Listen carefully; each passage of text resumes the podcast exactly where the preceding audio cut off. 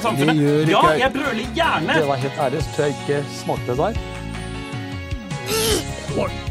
Jeg er jo egentlig en ganske flatbrystet pike. Oh yeah? Well, I love you too. Det ser jo ut som en løgn. Kjersti, sånn snakker vi ikke. One small step for man. Ja, du hører på Gleden med TV-en, hvor vi ser på TV for deg, sånn at du slipper. Og for første gang så er alle fire strømmeboysene samlet i samme studio. Eh, Arild sitter på min høyre side. Thomas sitter med min venstre side, ikke i Bergen som han pleier. Nei, nei, nei. Og Sturle sitter rett overfor meg, min beste venn. Velkommen skal dere være til Oslo. Jo, takk for det. Takk, wow. Så eksotisk og spennende. Ja, det er jo ganske fett. Jeg tar på Markus. Nei, oi, nei, nei. Nei, det ble litt for mye, faktisk. Jeg, Jeg kjenner på de spisse skoene til Trond. Au, de var spisse, alle trodde. Skal vi ha et eh, hjelpeskrin og bandasje? og- Sygebaffing. Men det Var det sånn de ballene ser ut? Ja. Ja, jeg sitter selvfølgelig her uten bukser. Men det, noe annet hadde vært eh, merkelig i denne settingen her, altså. Hvordan Det er sikkert alle lytterne lurer på. Er, du har tatt vasektomi, du hadde Ja. ømme baller en uke etterpå. Ja. Hvordan går det med ballene dine? Ja, eh, forbausende bra. Det er, er bra. Ja, jeg, eh, jeg, jeg, jeg, jeg tenker ikke så mye over det lenger. Eller nå tenker jeg over at jeg ikke kjenner baller når jeg ler. Jeg føler jeg har mistet den connection der mellom latter og baller. Oh, ja. Ja, Så det er det de kutter av? Det er det de kutter av. nei, men det, det, nei, nå går det ganske bra, altså. Det gjør det. Du ser kjempeblid ut. ja, men det er jo, jeg er jo blid. Jeg er jo lettet over at jeg ikke går rundt med ømme baller lenger. Vi kan bare få si til lytterne at eh, når vi skulle ta opp denne podkasten, i forkant av den, så var Thomas så glad. Han bare 'Skal vi ta eh, noen øl etterpå?' Ok, Nei, ingen som kan det. Nei, kan vi ta noen øl først? kan vi ha noen venner som sitter i studio og ser på når vi tar opp? Ja, nei, det, det, det, Dette er høydepunkt. dette er høydepunkt for meg, ja. Det høres ut som det er første gang du har vært ute av huset siden pandemien begynte. egentlig. Ja, men det er jo, det er jo sjelden vi møtes, da. ja, det, er jo, vi snakker sammen mye, men det er veldig sjelden vi møtes. Ja. så, så blir jeg kanskje Jeg får litt overtenning, eh, vil gjøre mer enn dere travle folk har tid til. Jeg er jo i Oslo og har tid og Ja. Og vi er jo venner. Det er vi jo. Ja, ja, ja. ja. Ja, ja, ja. Det er ikke Sånn at vi blir bundet sammen bare av podkasten. vi hadde truffet hverandre om det så ikke var podkast. Dere tre har det. Ja, vi hadde tatt en øl Ja. i kveld. Nei, men eh, det er jo litt rart å se deg utenfor kjelleren, Arild. Ja, det er det. Jeg er så varm. For det er kaldt der i kjelleren. Ja, jeg kjenner dette. Jeg vet ikke om jeg kan klare å levere på samme nivå lenger. Jeg blir så varm og komfortabel. Jeg tror jeg kommer til å sovne, rett og slett. Jeg føler, ja, jeg føler Når jeg ser på deg nå, Arild, så føler jeg at vi har en podkast om en som er sluppet løs etter han har kidnappet i 20 år i en kjeller. Og nå har det begynt å komme til hektene, Arild. Ja. Men hvordan går det med å sove om nettene? Går det greit? Nei, det er, vi må sovne til skrik. Ja, du må det. Dine egne skrik, Ja, eller? ja selvfølgelig. De òg. Ikke bare naboens eh, skrik. Ja, ja, ja. Og nå ser jeg faktisk den rynken i pannen eh, ganske bra. Nei, nei, for nå, Nei. Ja. nå kan jeg ikke se meg sjøl i sånn webkamera heller. Så nå blir jeg veldig nå blir jeg, Dere gjør meg veldig usikker nå. Ikke se på meg, Thomas, for det ser rynken. Snu hodet tilbake mot Markus. Skal jeg må se ned i bordet her nå hele veien? Ja, Dette var utrolig hyggelig, merker jeg, å møtes. Det må vi gjøre oftere. Ja, Ja, ja. absolutt. Ta med rynken. det er fint. Jeg skal ha så sykt mye dekkstift i pannen neste gang. Vi skal jo snart eh, gå i gang med å snakke om eh, TV-uken vår, men aller først så foreslår jeg at vi bare tar en aktuelt spalte som vanlig. Er dere enig i det? Helt enig. Ja, gjør det. Nå når vi er samlet sammen, så gjør vi det. Ja. Jeg gleder meg til å ta den aktuelt spalten liksom i samme rom. Ja, Det, for det, det er noe helt spesielt. Han blir liksom mer aktuell.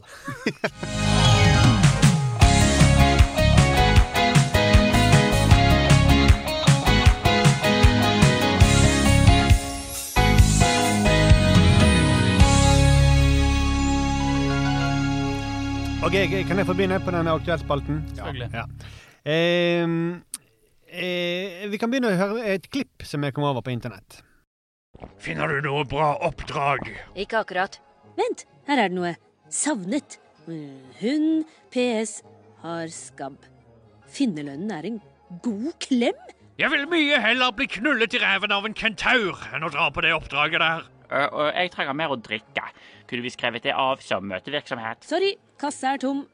Eh, du, du orket deg, Arild, med en gang du hørte det, det, er Vi jo- rødmet jo. Hvorfor det? Fordi du spiller eh, du, Når begynte vi å gjøre sånn bakholdsangrep? Nei, var det, det var ikke med seg bakholdsangrep.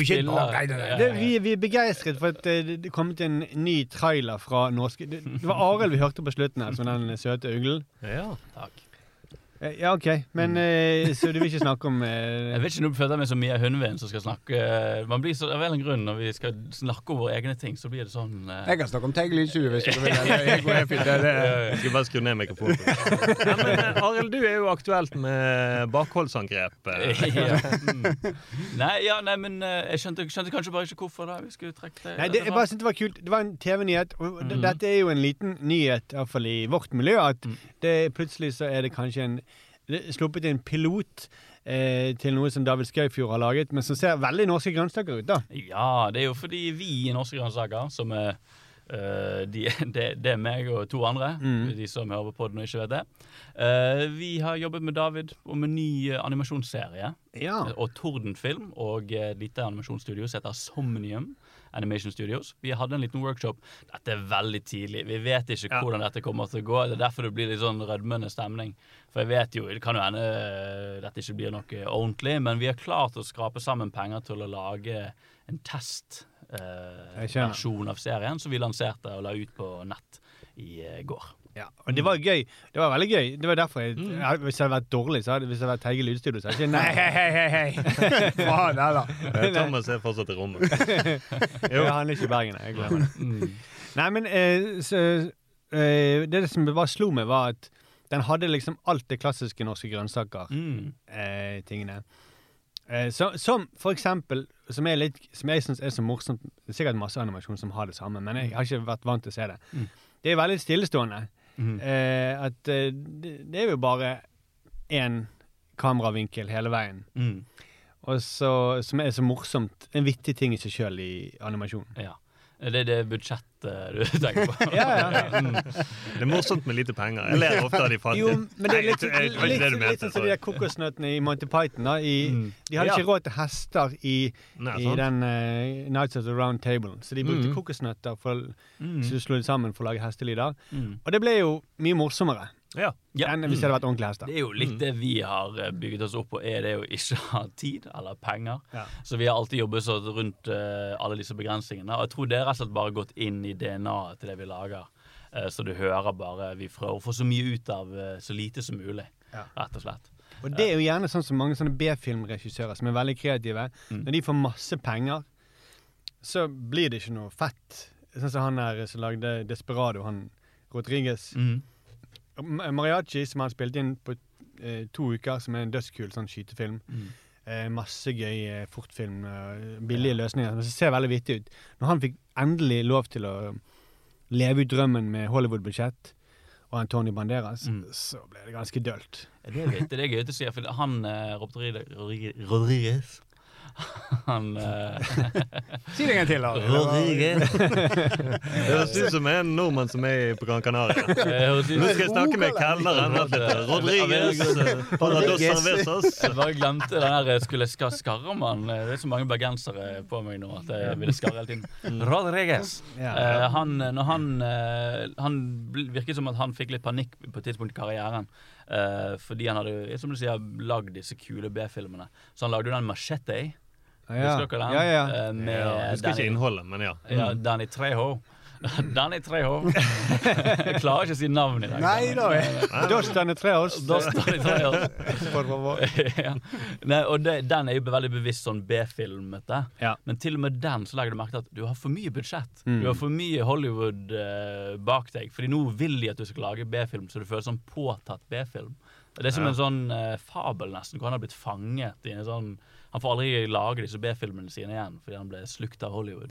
Så Derfor var det godt å se at dere ikke har fått et sånn kjempebudsjett. Nei, tvert imot. Altså, dere har sett hvor mye vi har skrapt det smøret der. Altså, jeg tror Tordenfilm, da, som vi har jobbet med, som er en veldig fin gjeng, Mm. de eh, fikk jo helt panikk over hvor mye At vi, vi ville jo lage dette, og de var litt sånn Men husk det er et budsjett og sånn. Vi klarer å jobbe litt utenfor budsjett, og de får jo panikk, for de har jo ikke lyst til at Nei. De vil jo ikke det. Så de var De er veldig skikkelige folk. Veldig ordentlige. Ja. Så vi, vi klarte å holde oss til budsjettet, altså, men vi hadde jo lyst til liksom Når du først lager noe gøy som vi tror dette kan bli, så har man lyst til å skrape smøret litt ekstra. Da, bare Ja. for få det- ordentlig inn. Men altså, Viken, det er Viken som eh, Er det sånn at de Sturle sa det før sending, er det det at de, de bare pøser ut masse penger før Viken oppløses? Eh, Det har jeg ikke tenkt på, faen. Det er jo kjempegod. Det er jo Men jeg tror det kan skje. Ja, det er faktisk eh, Det forklarer det. Mm, Viken, for. Viken har sin egen konto, og de pengene må ut. Så det er ikke Ok, det er et hot tips til alle som Ja. er der ute og skal søke penger for å få lagd ting. Søk Viken. men OK, Du, du må bare ha en tilkobling til Viken, da. Det er det eneste. du må bo i Viken, da? Ja, vi Han Men hva ene, han ene i grønnsakene bor jo i Viken. Ja. Uh, men ikke vi, har har ikke vi alle en fetter i Viken? Ja, alle har en fetter Alle har en fetter i Viken. Si at den ble lagt ut på internett i Viken. Ja. ja. Mm. Men, men uh, kan du gi oss en elevator pitch? På serien? er selvfølgelig folk er sikkert kjempe har ikke peiling på hva vi snakker om. Nei. Men det var Kentaur vi hørte vi der, så vi vet hva slags verden omtrent vi Det er altså en fantasy-serie, fantasy-animasjonsserie som heter Sidequest. Eh, Det handler rett og slett om alle, alle I fantasy så er det eventyrerne som dominerer. De som reiser ut og beseirer dragene, vinner prinsessen, de redder verden. Mm. Og dette handler om de eventyrerne som ikke når helt opp Ah. til det. Ja. De, eh, ikke taperne, men drømmerne uh, av eventyrene, som kunne ønske de kanskje var i nærheten av å bli sett på som ja, Frodo hadde vært en drøm da, for disse her. Ja, for de de- finnes jo åpenbart i de universene. Ja, Ja, de må jo det. Dette er liksom frilansverden, og disse her eh, er litt sånn de må gå på Nav da, istedenfor uh, å klare å Ah. få de ordentlige oppdragene. ja, for det er ikke disse vi lager ballader om. Også. Nei, Nei. rett og slett. Så de, de, de har ve veldig lyst til å bli sett Det er en samlet en rar gjeng som alle har lyst til å bli sett på som store helter, men de har ikke helt evne. Ja, gøy. Mm. Ja. Mm. Så vi vi får se hva det blir til, men det er veldig gøy i samarbeid så langt. Ja. Og så hørte jeg Veslemøy Mørkrid sin stemme inni der òg. Ja, ja, hun er kjempeflink. Hun er veldig flink. Gjør to stemmer i denne serien. Mm. Vi har jo også jobbet en del med hun. Fra det andre teatret. en En Ja. Mm. Ja, Jeg har vært i Teige lydstudio sikkert også. ja, det har hun. Hun var Casablanca. Ja. Det var Det ingen som eh, spurte om det, men. Syns det var litt mye snakk om en annen sin serie. Ja, jeg vil bare Ja. prøve å stjele Thunder her. Jeg, altså. Nei, nei, men hun, hun er kjempeflink. Ja. Hun er det, herregud. eh, Thomas, har du noe på aktuelt? Um, nei, altså det er sånn I de siste dagene, den store nyheten som sånn, kanskje sånn fra TV-verdenen, er vel at eh, så jeg, Som kanskje er overraskende for veldig mange, er jo det at Viktor Sotberg, alle mot én-programlederen, forlater NRK og går til TV 2. Er det, er det, er det offisielt? Det er offisielt. At det går til TV 2? Ja, ja, jeg har ikke fått det med deg. Ja, eller du sa det, men eh, Ja, ja, ja, ja jeg, jeg, jeg visste jo det, men ja, det er offisielt. Det Ja, han, jeg har sett det eh, på TV 2 sin nettside. ja, ja, da pleier det å være offisielt. det sto ikke i NRK-artikkelen. Nei, for NRK nevner ingenting. De sier at ja, han eh, takk for godt samarbeid, og han vil gjøre andre ting, mens TV 2 bare Han skal hit! Ja. Han kommer her! Og han skal gjøre Han kommer sånn- fra ingen steder! Nei, ja, ja.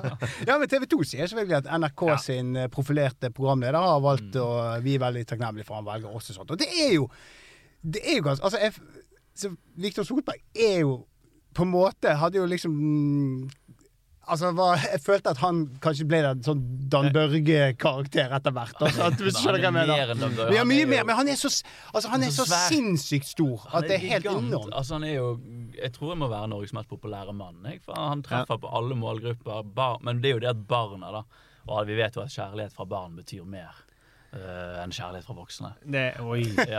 Helt til TV 2 Og- og- ringer og spør om har får betalt. Mm. Da betyr det ikke så mye lenger. Nei, da mister det. Ja, mm. Plutselig skulle jeg til å si Å, så plutselig så nå har det kommet et fint øyeblikk i podkasten, så vi er samlet i samme rom. Ja. Men så eh, Så ko- korrigerte du, da. Ja. Ja, ja, ja, Det var riktig korrigert. Ja, ja, nei, jeg bare tenkte at TV 2 var ikke her til å representere seg, men de ville si kommet med en innspill der. Ja, det er jo en stor ting, ja. At han Det har gått. er jo det. Mm. Eh, og, eh, ja, for jeg trodde at han skulle bli dyrket av NRK så opp og ned i mente, og da TV 2 kommer med noe som er mer forlokkende. Mm. Ja, det er Men altså, han, han var selvest Jeg trodde liksom han skulle være Altså, jeg, han kunne han kunne nesten blitt sånn type mm, eh, K-sjef. K-sjef, faktisk. Ja. Mm. K-sjef Jeg hørte på podkasten så vidt forrige gang jeg redigerte den, så sier vi K-sjef. Det er jo kringkastingssjef vi mener. K-sjef Ja. er sånn dum. NRK-sjargong, for å si. Mm. Sånn, alle de kule i NRK-gangene vet K-sjef. Jeg har sett på K-sjefen, sier jeg, når vi går i kantinen. Og må på K-sjefens kontor og få seg for kjeft.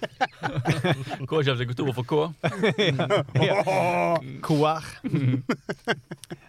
Eller, det, det er kanskje ikke mange som vet, men KR betyr ikke kroner, men det betyr kraftig rævespark. Ja, ja, ja, I Bergen, ja, ja. ja, ja, ja. I Bergen betyr det det. Mm. Alle Bergen, Så du må aldri si 'jeg tar imot 100 KR'. Det er en felle. Iallfall ikke hvis K-sjefen spør. Kanskje den nye K-sjefen. Jeg tror ikke kringkastingssjefen Hun er ikke like sterk som uh, han uh, tidlig, Den uh, som nå går snart Hun på. har spissesko. Hun har spissesko. Eller hun har iallfall sånne alltid i høye hæler. ja. mm. Så hvis hun tar en sånn her eh, Johnny uh, Karate eh, Heter han Johnny uh, Ja, nå er vi på ditt felt. Hva heter de sparkene som eh, er vonde? Jo, Cobra Kai Johnny. Cobra Kai Johnny Ja. Spark, hvis han gjør det. Ja, Vi snakket om det. Han sparker rett frem. han gjør det. Han har virkelig sånn hardcore rett frem-spark. Og det er, er det sørlig Korea de utvikler det, eller er det Eller er det i USA de Jeg tror det er sånn uh, rush traffic kick. nå er det no nonsen, jeg må videre. Jeg bare sparker igjennom. Sparker gjennom smoggen. Ja, Det er et jævla kult spark. Ja. Det, det dukker også opp i Snowpiercer, den uh, filmen. Ja. Med han, uh, nå husker jeg ikke han Chris, han som spiller Captain America. Chris Evans. Chris Evans. Chris Evans. Ja, ja, På vei, ned Navnet hit funker ikke helt. Chris Evans, por favor. Ja. Mm. Men uh, du nevnte det på veien ned hit at uh, eh, det også ble brukt i den uh, David Chappelle, ja. eh, når han eh, Charlie Murphy forteller om eh, ja, møtet med Rick, James. Ja. Mm, stemmer. Han til slutt sparker Rick James. Mm. Det er kanskje det morsomste sparket som har vært på Ja, TV. men det ser Morsomste og kuleste. Ja, det er kult òg, faktisk.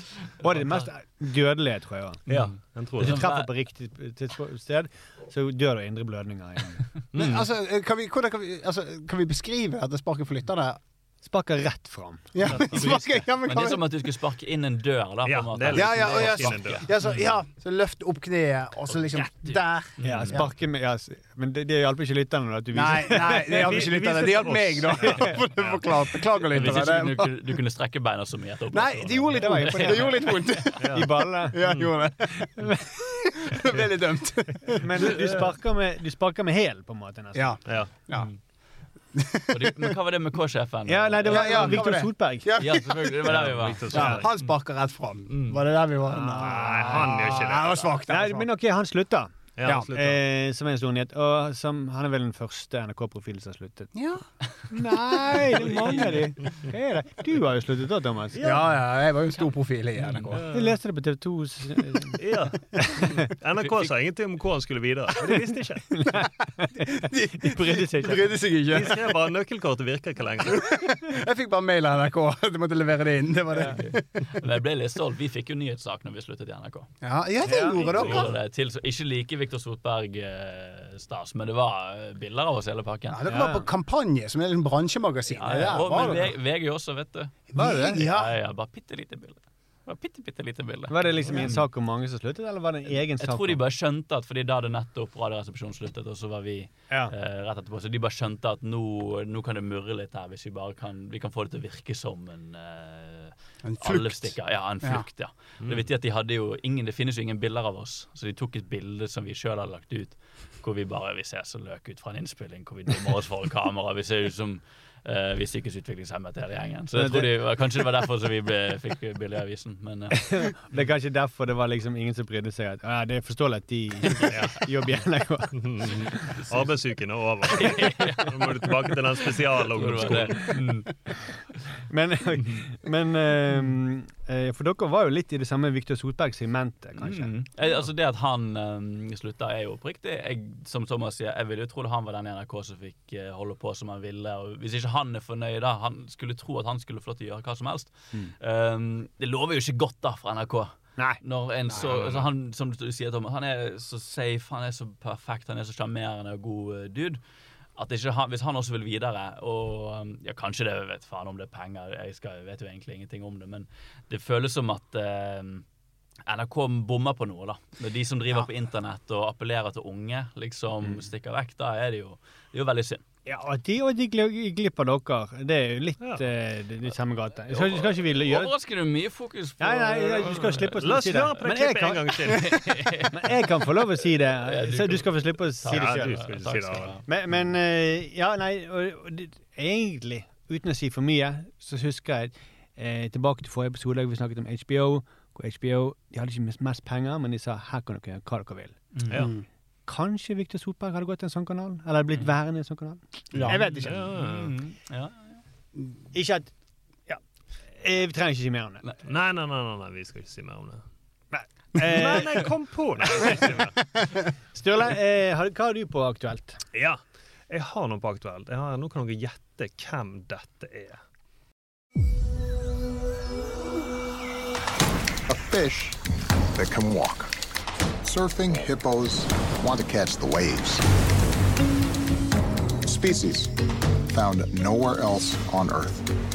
Join me in this celebration of our planet's greatest national parks and wilderness. Barack Obama. Ja, det er det! Ja, ja. Barack Obama leder naturdokumentar. ja. Er han den nye David Attenborough? Er det det han går for nå? jeg Liksom? tror det. Det, blir, altså det er en serie med masse fantastiske dyr og eh, Barack Obama. Nå blir alt tilbake til 2012.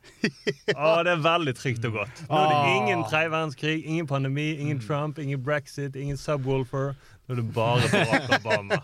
Ah, det, jeg mener det er dette verden trenger. Ja, det er akkurat det vi trenger. Ah, Ja, men det, det er veldig, veldig sånn betryggende stemme, ja. Ja. Det er trøstende stemme. det er veldig.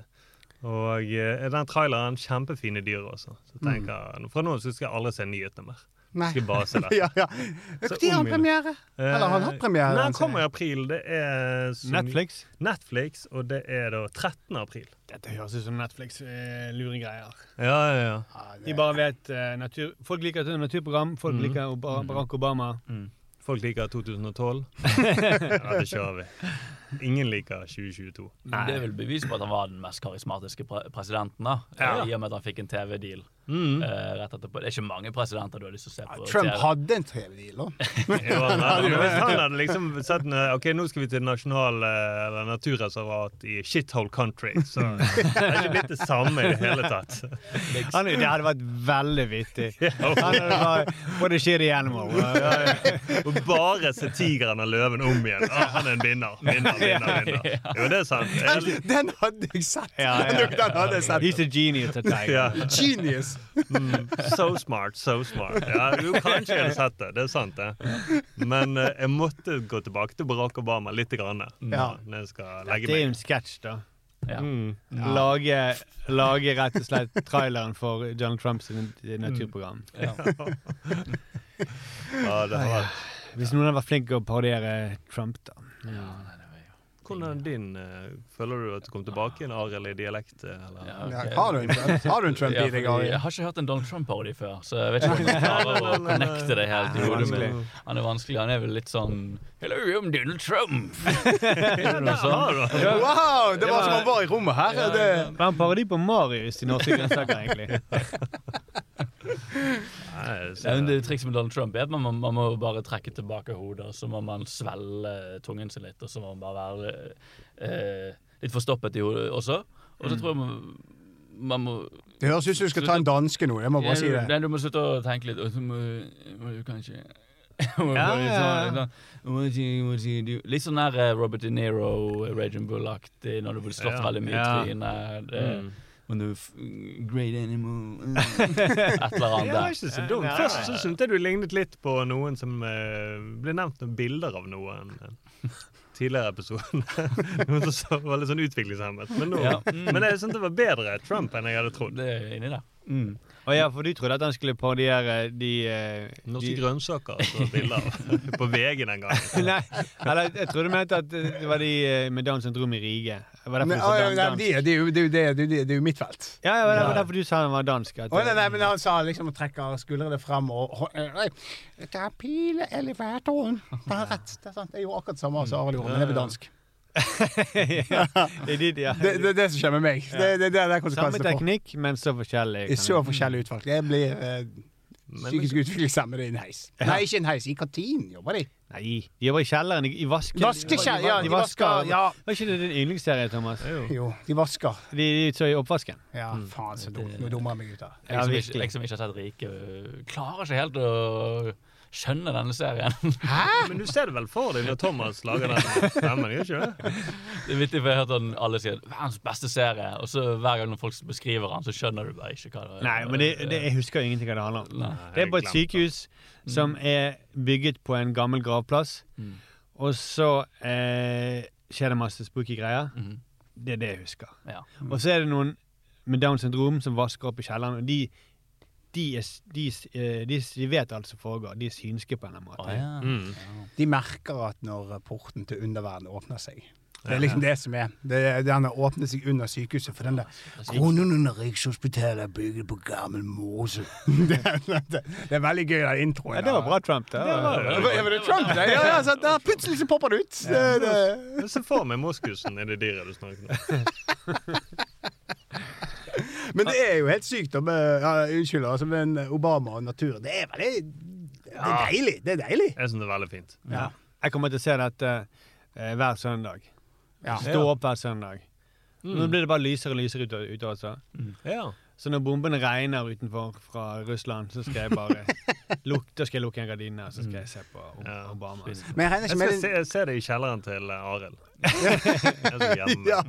men, men jeg regner med at det bare det er ikke noe de, Her er ikke noe sånn der at naturen er truet eller noe sånt, håper jeg. Her må alt være Det må det være. Ja. Det kan være det, men han er, sier litt i traileren at vi, ved at vi tar vare på disse naturreservatene, så har vi også, kan vi finne medisin mot kreft og andre ting. ja, men det er jo kjempebra. Ja. Ja, det, så jeg tror det er bra. Jeg, for Ja. jeg, jeg vil ikke se noen triste ting nå. Det gidder jeg ikke. Du vil finne du vil kur i Ja. regnskogen. Du vil ikke fortelle at de, de hogger han ned. Nei, nei, nei. Nei, men ok, men han, han forklarer han, Det må være noe politisk hvis han skal gidde å være med, tenker jeg. Jo, jeg det må være sånn forklare hvorfor det er viktig å ta vare på ting, men det kommer ikke til å være sånn Å, stakkars uh, mammaen til uh, Bison døde, liksom. Må Det, det, det, er jo, det er jo bare sånn hjertesmerte som ikke du lærer noe av. Jeg har veldig lyst til å se den der uh, slangen som spiser salamanderen, og Barack Obama som bare følger heftig med. Bare, Ja. The snake is fucking eating you. Oh my god, it's uh, life and death on the savannah. Og det Kan man bare, le sånn her uh, Sånn her uh, Crocodile Dundee, holdt på å si. Hva heter han? Uh, Eh, Steve Irwin. Steve Irwin. Ja, ja, ja. ved- This is very Ja. dangerous. Alligator, uh, I'm inside the alligator's jaw, fighting for my life. Nature is so beautiful, huh? Ja. Nå Eller at han er så kald som når de tok uh, Osama bin Laden. Ladies and gentlemen, we got him. altså, shit. Salamanderen tok faktisk den uh, eh, Jeg slangen. kan, jeg kan se for meg at nå har jo Netflix eh, fått klørne i Obama, så kan det godt fort hende at han ender opp på et kakeprogram eller to etter dette. Men Arild, har du noe på eh, aktuelt? Eh, nei, nei, jeg har ikke egentlig det, altså. Det er lov, det. Ja, er det det? Ja, okay, det- det er nei, ikke- Ja, det har ikke dere kommet med en trailer? Jeg er så dårlig på å promotere meg sjøl. Jeg hadde aldri tenkt over at eh, det kunne jeg tatt med. Men nei, du, jeg, jeg er helt blank, jeg. Altså. Jeg bare koser meg med deres aktuelle ting i dag. Ja. Men du har bidratt på din spesielle Åh, måte. Takk, min lille spesielle måte. Ja. Var det en ny kelner, eller? OK, da skal vi snakke om vår TV-uke. Ja.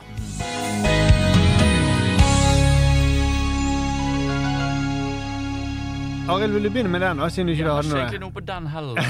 Nei da. Jeg har, eh, her har jeg, nå har, jeg har jo ikke vært på podden på en liten stund. Nei. For det har jo vært, det har vært sykdom og alt mulig. Der, så det er egentlig veldig mye jeg ville prate om. Uh, men så dukket det opp en eh, ny serie som jeg virkelig traff meg. Ja. Uh, og, og, og lurer altså på om, uh, om det er for tidlig å si, men vet ikke om jeg, jeg lurer på om jeg kanskje har blitt litt forelsket i denne serien. Oi! Ja, ja. Oi, oi, oi, oi, jeg var litt sånn på første date med han. og var sånn, skal, Er dette på noe? Det, det virker som at ting uh, funker her for meg. Men jeg tror faktisk at det kan bli the real deal. Eh, serien heter Severance. Det er seks og ni episoder som ligger ute nå på Apple TV. Du har Ben Stiller på regi. Oi. Oi. Ja. Uh, Runkekongen fra Alle elsker Mary. Som uh, har blitt en seriøs regissør, da. Som jeg ikke vil at jeg skal nevne at han runket i håret til Cameron Han har aldri gjort det før. Til alle lyttere, aldri gjort det før. Han, ja, det var han regissøren som runket denne gangen. Ja, ja, Lucy K. Ja, det var den andre. Det var den andre han som gjorde det foran folk. Nei, men Han har jo hatt en veldig sånn prominent regikarriere da, de siste årene, fra han var humorstjerne. Eh, og eh, denne serien her er mm, et slags mysterie-sci-fi-serie. Nå må du holde deg fast. eh, Så, Ja, ja, Det er, eh, veldig spennende. Men det- ja, ja, men det er i nåtiden, da, rett og slett. Uh, om jeg tør å si at det er Kafka-esk. Jeg vet ikke om jeg tør det, jeg jeg tør det Markus. Ja, det er veldig mye brukt. eh, Ja, Rykker det i Kafka-foten? jeg prøver å treffe alle. Uh, Men ikke gå innom Teigelydsen. Nevnte jeg uh, Alle elsker Mary at han runket i håret? Ah, nei. Før han klippet strengen. Men er spermen død? Det er det som er relevant. Det er, det er død sperm. nå kommer det død sperma av deg, er det? Jeg, jeg, Nei, du tyter ut ørene mine nå. Herregud, ok, dette. Nei, men altså, dette er en legit eh, god serie. Altså, jeg er skikkelig falt for den. Og det jeg skal gjøre nå, jeg skal uh, forklare et sci-fi-premiss. Nå har dere lov til å få det er, vel, dette det er litt komplekst, da. Ja. Ok, men vi så skal klarer- Dere skal få lov til å stille spørsmål Jeg skal bare si, Arild, at jeg godtar det uansett. Ja, du gjør det. Jeg tror du er med. Altså, du er med. Jeg kan si jeg er veldig skeptisk i utgangspunktet. Ja. Og så må jeg bare spørre, er det sånn at du bruker en episode på å forstå premisset? Nei, Nei, okay. det, men det er litt sånn, de, den er veldig bra lagt fram. Da, og jeg vil jo si at hvis du, de som hører på, har vært nysgjerrig på denne serien, bare hopp over alt jeg skal snakke om nå, for du har lyst til å bare gå inn blind. Ja. Men dere er fanget i et rom med meg, så dere er nødt til å Jeg er veldig glad, jeg. Ja. Ja, jeg, jeg, her. Du er generelt glad i det hele tatt. Ok da, så hele serien Det første du ser i denne serien er jo en dame som uh, ligger bevisstløs i et veldig anonymt kontorlokale uh, Og våkner til Og så blir hun stilt masse spørsmål over en intercom Og du finner fort ut at hun ikke har peiling på hvem hun er Her begynner man jo Herregud, hva er dette for en Ok, men ja, ja, ja. jeg bare for å si det, det, det er jo en sånn Hver gang vi skal lage noen fete greier, så har jeg alltid tenkt For det er så kult premiss at du ikke, hovedpersonen ikke vet hvem hun eller han er. Sånn som i Memento. Ja, ja, ja. ja fantastisk. Mm. Og det, men det er derfor det, det funker, og da, da blir du med en gang Det går i så mange retninger. Hva vil denne serien gå inn i her? For det er jo et veldig kjent premiss. Og så finner du ut, da Jeg snakker kun om ting du får vite i første episode. Mm. at det handler om et slags mystisk kontor. eh, hvor de som jobber der, har gjennomført en prosedyre eh, som gjør at de ikke vet hvem de er på utsiden av kontoret. Oi. Ikke sant? Så de har rett og slett ingen bagasje eller kunnskap om seg sjøl, hvem de er i den virkelige verden. De eksisterer kun på dette kontoret for å gjøre den jobben de gjør der. Ja, Så hvis eh, Thomas jobbet på det kontoret, så ville ikke han sendt bilder av ballene sine. Han ville bare, nei, men det er akkurat det. Veldig bra eksempel. Thomas Veldig vært- bra eksempel, Thomas faktisk. vært, eh, den, eh, når Thomas er på det kontoret, så vil han bare være sånn Hvorfor gjør det vondt i ballene? Han ville ikke Ja. visst noe hvorfor. Men, men, men han, vet hva, han vet hva han skal gjøre på det kontoret? De vet hva de skal gjøre på kontoret. Det som er greien, da. Ja, For det ligner ikke på Thomas. Ja. De, de eksisterer liksom kun der. Og det de opererer med, er jo liksom begrepene uh, inni en outie. De som er på kontoret, de kaller seg sjøl for inni. Og de refererer til den andre personen de er som en outie. De vet ingenting om outien sin. Eh, de vet bare at de er inniene. Og det som egentlig skjer da i praksis, er at de da har to personligheter. Og vi følger da eh, denne damen. Hun opp får vi kun se som en inni på dette kontoret. Men den vi følger, er eh, skuespilleren Adam Scott, kjent fra Parks and Recreation og litt forskjellige ting.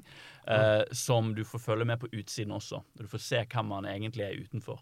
Og skjønner at han har en ganske sånn tragisk bakhistorie, og egentlig ganske nedbrutt type. Men på kontoret så er han en ganske oppegående person.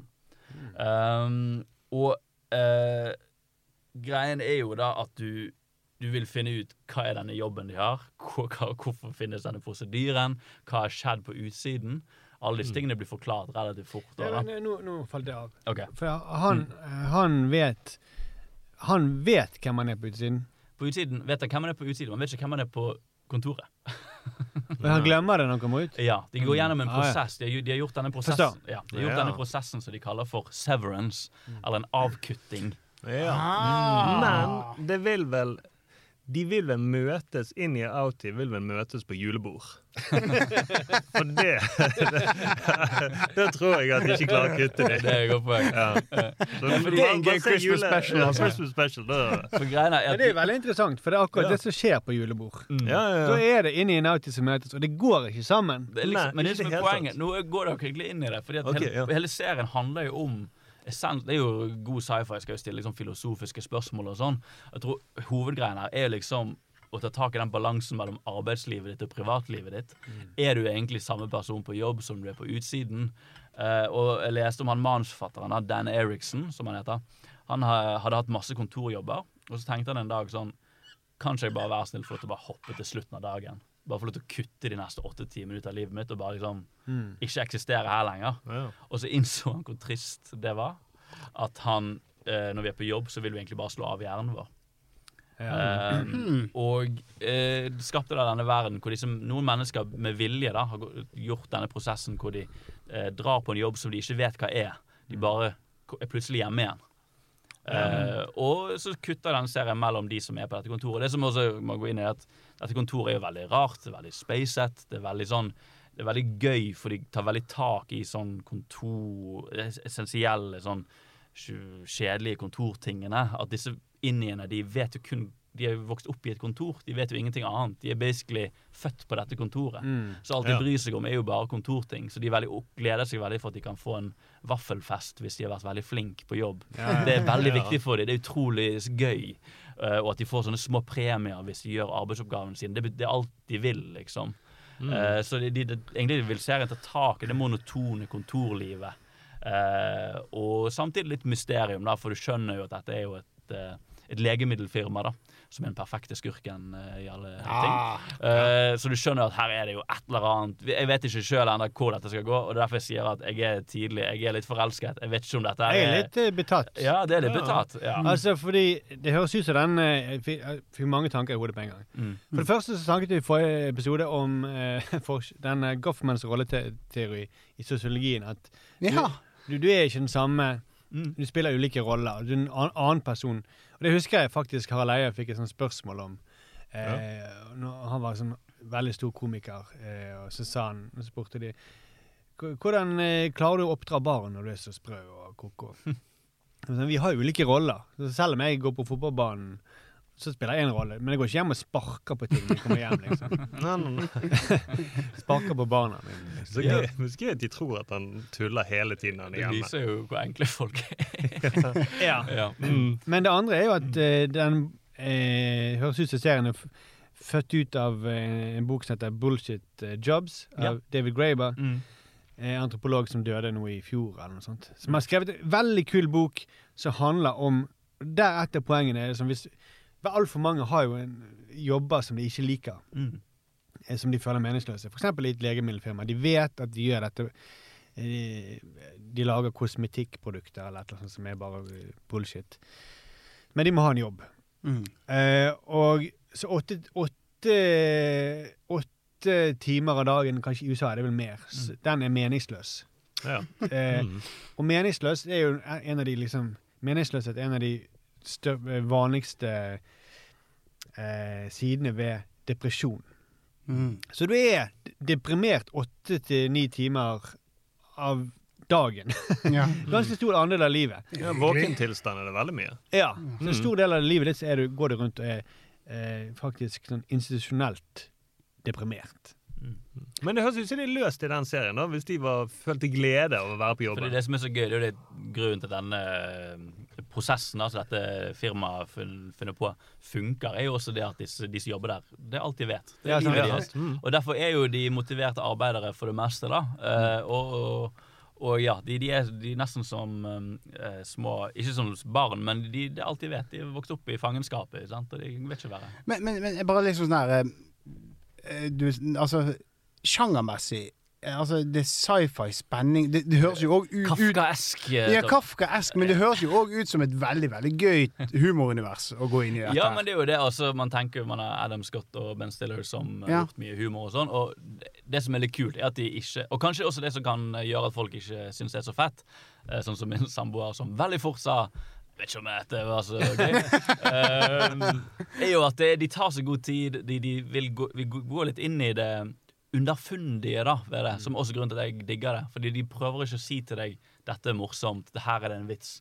Det er bare hele universet, all, alle rammene rundt det, måten de oppfører seg på. Alt er veldig gøy, da, egentlig. Men det, det er ikke at du skal sitte og le deg i hjel. Du bare sitter og koser deg, da, på en måte. Men jeg får eh, er det, det er kanskje bare meg, da, men altså i um, Jeg har, mye, jeg har så mye å si nå. ja, ja, ja, dette var, dette var veldig gøy. Jeg, bare si noe, for jeg jeg er sjokkert over at ikke du legger merke til det, Thomas. Men uh, si din, så skal jeg si det etterpå. ja, ja, ja. men uh, jeg tenker på den der uh, i Black Mirror. Mm. Absolutt, altså Black Mirror, den satireserien til Charlie Brooker som ligger på Netflix. eh, der hver episode er egentlig nesten en film. da. jeg, jeg lurer på om de andre episoden der, eller tre, andre eller tredje, der er jo det en sånn Det høres veldig likt ut. Sånn, eh, det er en sånn verden der alle jobber. De går vel, de sykler på sånne, 3D, nei, sånne eh, treningssykler og får poeng og har sånn mening. Jeg, jeg får litt den Du feelingen der. Black- Det kunne vært en Black Mirror-app.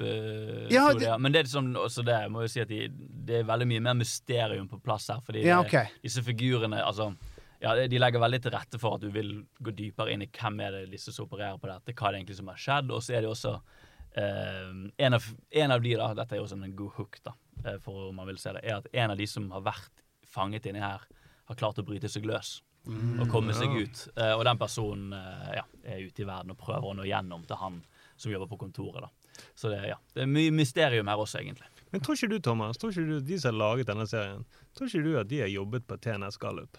Jo, det tror jeg. Det, Jo, det er den eneste jobben jeg har hatt hvor jeg ikke tenker på jobben når jeg er hjemme. Og når jeg eh, jobber der, så er jeg så fokusert på å prate med de og stille dumme spørsmål. Og meningsløse oppgaver. At du tenker ikke på hjemmet i det hele tatt. Så på en måte var det digg, fordi jeg har jobbet andre steder. Og da er det sånn Shit, jeg lurer på hvordan det går når de stenger på denne kafeen. Eller hvordan går det med restauranten når de sier japanerne kommer inn. For vi er ja. for få på kjøkkenet. Men på norsk, det er TNS Gallup, da.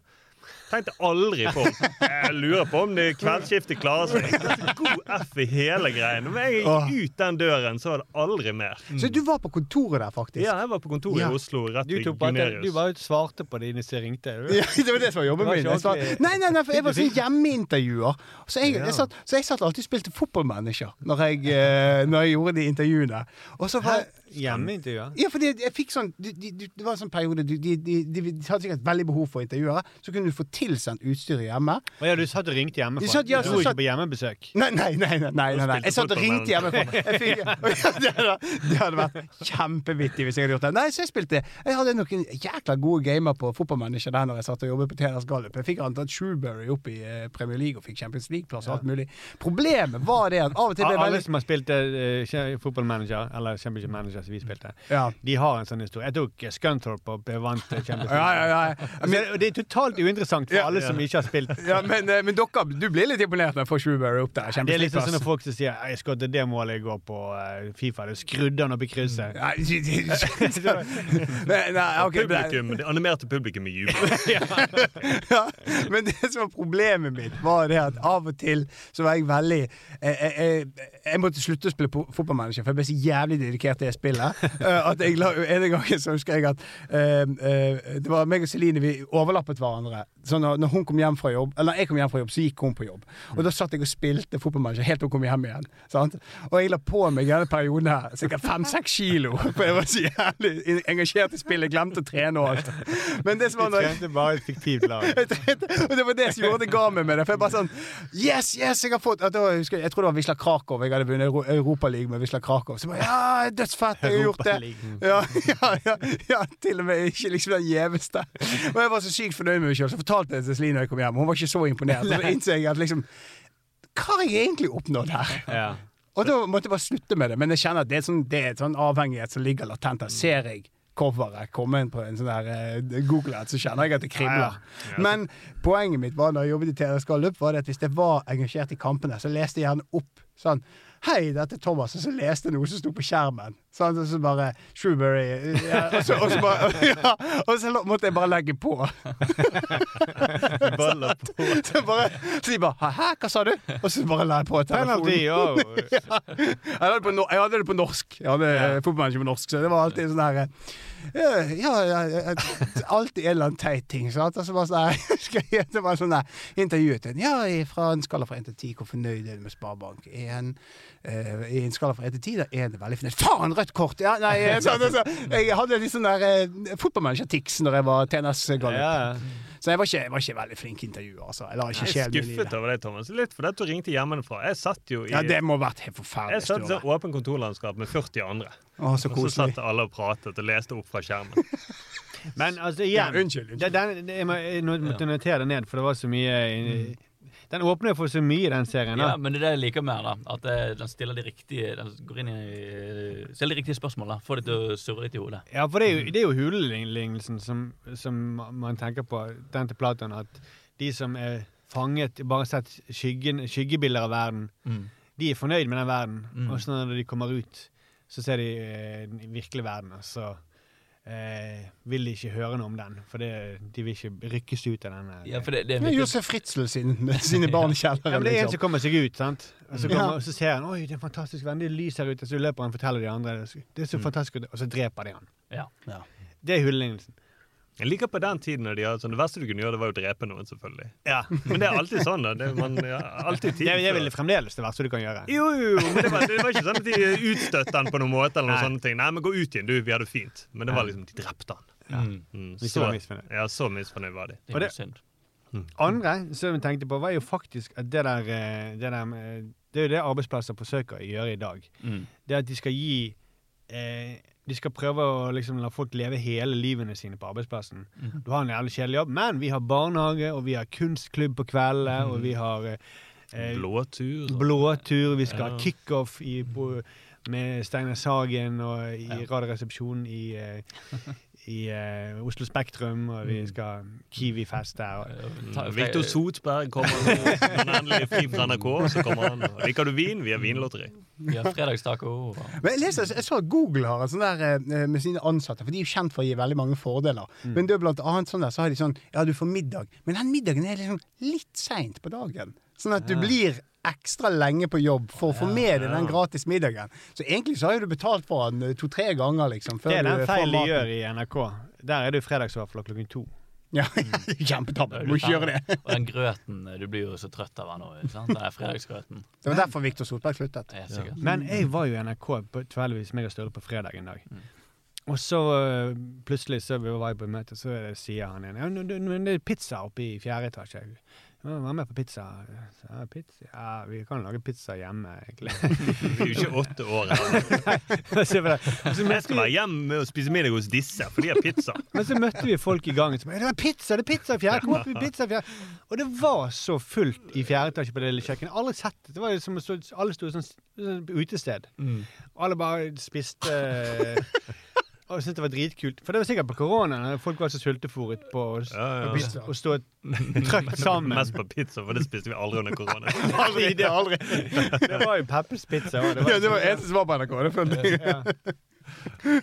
Men eh, den siste tingen det, oh, kafkaesk. Kafka eh, var jo også Han syntes jo sjøl at han lagde humor. Mm. Eh, så han leste tingene opp til vennene sine, så holdt de på å lese i hjel. Ja. Eh, men for oss eh, Vi ser jo på det som en litt som underfundig er premiss. Mm. Men hvis du tar alt det du sier, og bare trykker det sammen og, og gjør det veldig effektivt, så kan det være en sketsj. Ja. Men hvis du drar det ut, så blir det en sånn eh, kafkaesk opplevelse. Jeg tror du beskriver akkurat hvorfor jeg liker det. Det treffer min følsomhet veldig bra akkurat nå. At jeg alt opplagt lagd mye sketsjer og sånn, og alltid likt det formatet, men jeg har alltid følt at det, kanskje vi tar oss litt bedre tid her. Når, det er litt sånn kanskje yrkesskade. Da, at liksom, det hadde vært litt gøy å lage noe som var lenger enn ett minutt. Ja. Og da gå dypere inn i de underfundige premissene. Som denne serien gjør uh, veldig bra. Uh, også tror jeg, Den har jo også blitt ganske populær i USA, og det tror jeg er folk, sånn som skjer her. Folk føler veldig mye fordi den går inn i kontorverden. Arbeidslivet ditt det er ikke liksom ute i verdensrommet vi må komme på en eller annen orm som spiser spesielt krydder som alle vil ha. Det er liksom sånn Nei, men jobben din, liksom. Det er helt sykt at vi går på jobb og gjør denne greien her, liksom. Eh, og så ja, spiller han på eh, litt andre mysterieelementer også, så den er verdt å sjekke ut, i hvert fall. Wow, jeg er hekta. Altså, du, du, du, du tripper her, Markus. Ja, Altså, du det- det- er det veldig begeistret. Det bare connecter så mange, så mange ting, tanker som jeg har hatt i løpet av mitt liv, som, bare, som har vært viktige for meg. da. mm. For eksempel den Bullshit Jobs som satte i gang veldig mye i mitt hode. Som bør leses. Eh, jeg eh, Eller høres på lydbok, eller Den er veldig fet. Ja. Men eh, folk som har jobbet på TNS Gallup, burde vi også høre. Dere blir bare tristere. Ja, for jeg tror for Det det, er frykter der, altså. ja, for det var ikke sånn at jeg lo ikke så mye da jeg tenkte på den jobben. Altså. Jeg hadde ikke sett humor i det hele tatt. Det. Men eh, det er et sånn trist eksempel i denne boken med en fyr som Han var verdens mest begavede fyr. Han, han uh, skrev poesi på high school, og han var liksom vant som poesikonkurranser. Han startet punkeband og gjorde det bra, liksom, på toppen av chartsen, og var liksom eh, bra fyr. Men så etter hvert så kunne han ikke leve av musikken lenger, ble, så da ble han forretningsadvokat. Og han sa for et, for et eh, tap for samfunnet at han fyren her, kreative fyren her, må eh, bruke energien sin på å Egentlig, han sa det var den mest meningsløse jobben han har hatt. Det var 17 andre forretningsadvokater i det firmaet, liksom. eh, og alle var enige om at eh, altså, vi, vi driver bare og hjelper rikinger å jukse, det er ikke noe annet. Men han måtte ha en jobb. Ja. Hvorfor kunne, han, hvorfor kunne ikke samfunnet bare sagt OK, du kan få 100 000 i året for å lage ska-punk eller et eller annet. Mm. Gøy at det var punk også han holdt på med. Altså, så Ja, jeg- forretning, Ja, ja, det var Ja, det var, det var en sånn uh, Jo, jo, men at det var så mm. Ja. Det var ikke sånn at han laget Kygo. Kunne godt ha blitt. Jeg tror du har en god sci-fi-serie i deg, Markus. Du må bare ikke tenke, du må tenke nåtiden. Du må tenke, se på de problemene vi har rundt oss nå, og så Ja. gå inn i en litt sånn uh, kafkaesk verden der. Ja, nei, når, I min, min tid, da jeg var sånn ung uh, og søkende, så ble jeg veldig sånn tatt av premisset i Demolition Man. Ja. Ja, ja. Men, eh, Hva, hva er premisset der, da? Nei, det er det at de, det, Den kommer jeg stadig tilbake til, men det er en Mm. For det er jo l- en sånn eh, verden hvor alt er blitt Det er ikke lov til å banne, det er ikke lov til å røyke, det er ikke lov til å spise kjøtt. Mm. Eh, og så det er ikke lov til å si visse ord. Da får du Mm. liksom en, en bot med en gang. Og det Og så ser alt helt perfekt ut, men så er det, er det sånn eh, Og det virker så bra. Og de, de, man har ikke sex engang, fordi at eh, det er seksuelle og sykdommer. Mm. Overførbare sykdommer. Som tar bare på seg en sånn hjelm. Mm. Eh, VR6. en VR6. Mm. Ja. Og så Det er jo sånn kult. Sylvester Stallone han er, fra, han er hentet opp, fryst opp fra ø, nåtiden, eller fra vår tid, Mm. i fremtiden. Og så han skal, for han skal ta hånd om noen terrorister. Det er bare han som kan gjøre det. For det er ingen som er tøffe nok i den verden heller. Nei, nei, Og da når han skal ha sex med Sandra Bullock, så tar han på seg det der VR-greiene. og så bare river han av hjelmen. Altså, nå skal vi gjøre det på gamlemåten. og det er selvfølgelig mye fetere. Det kan aldri bli så bra. Mm. For han kommer jo fra en tid der metoo ikke var en greie. Så bare, Hæ? Skjønner du ingenting? Jo, jo, nå skal vi ha Giskemåten. Kom an igjen. Herregud, hvor lenge har du vært fryst ned? Og så nede i kloakken så bor det en motstandsbevegelse som, snak, som han holder, en holder sånn tale.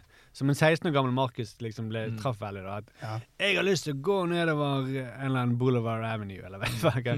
Mens jeg leser pornobladet og spiser en steak og røyker, liksom. Hvis jeg vil! ja. Drain that swamp.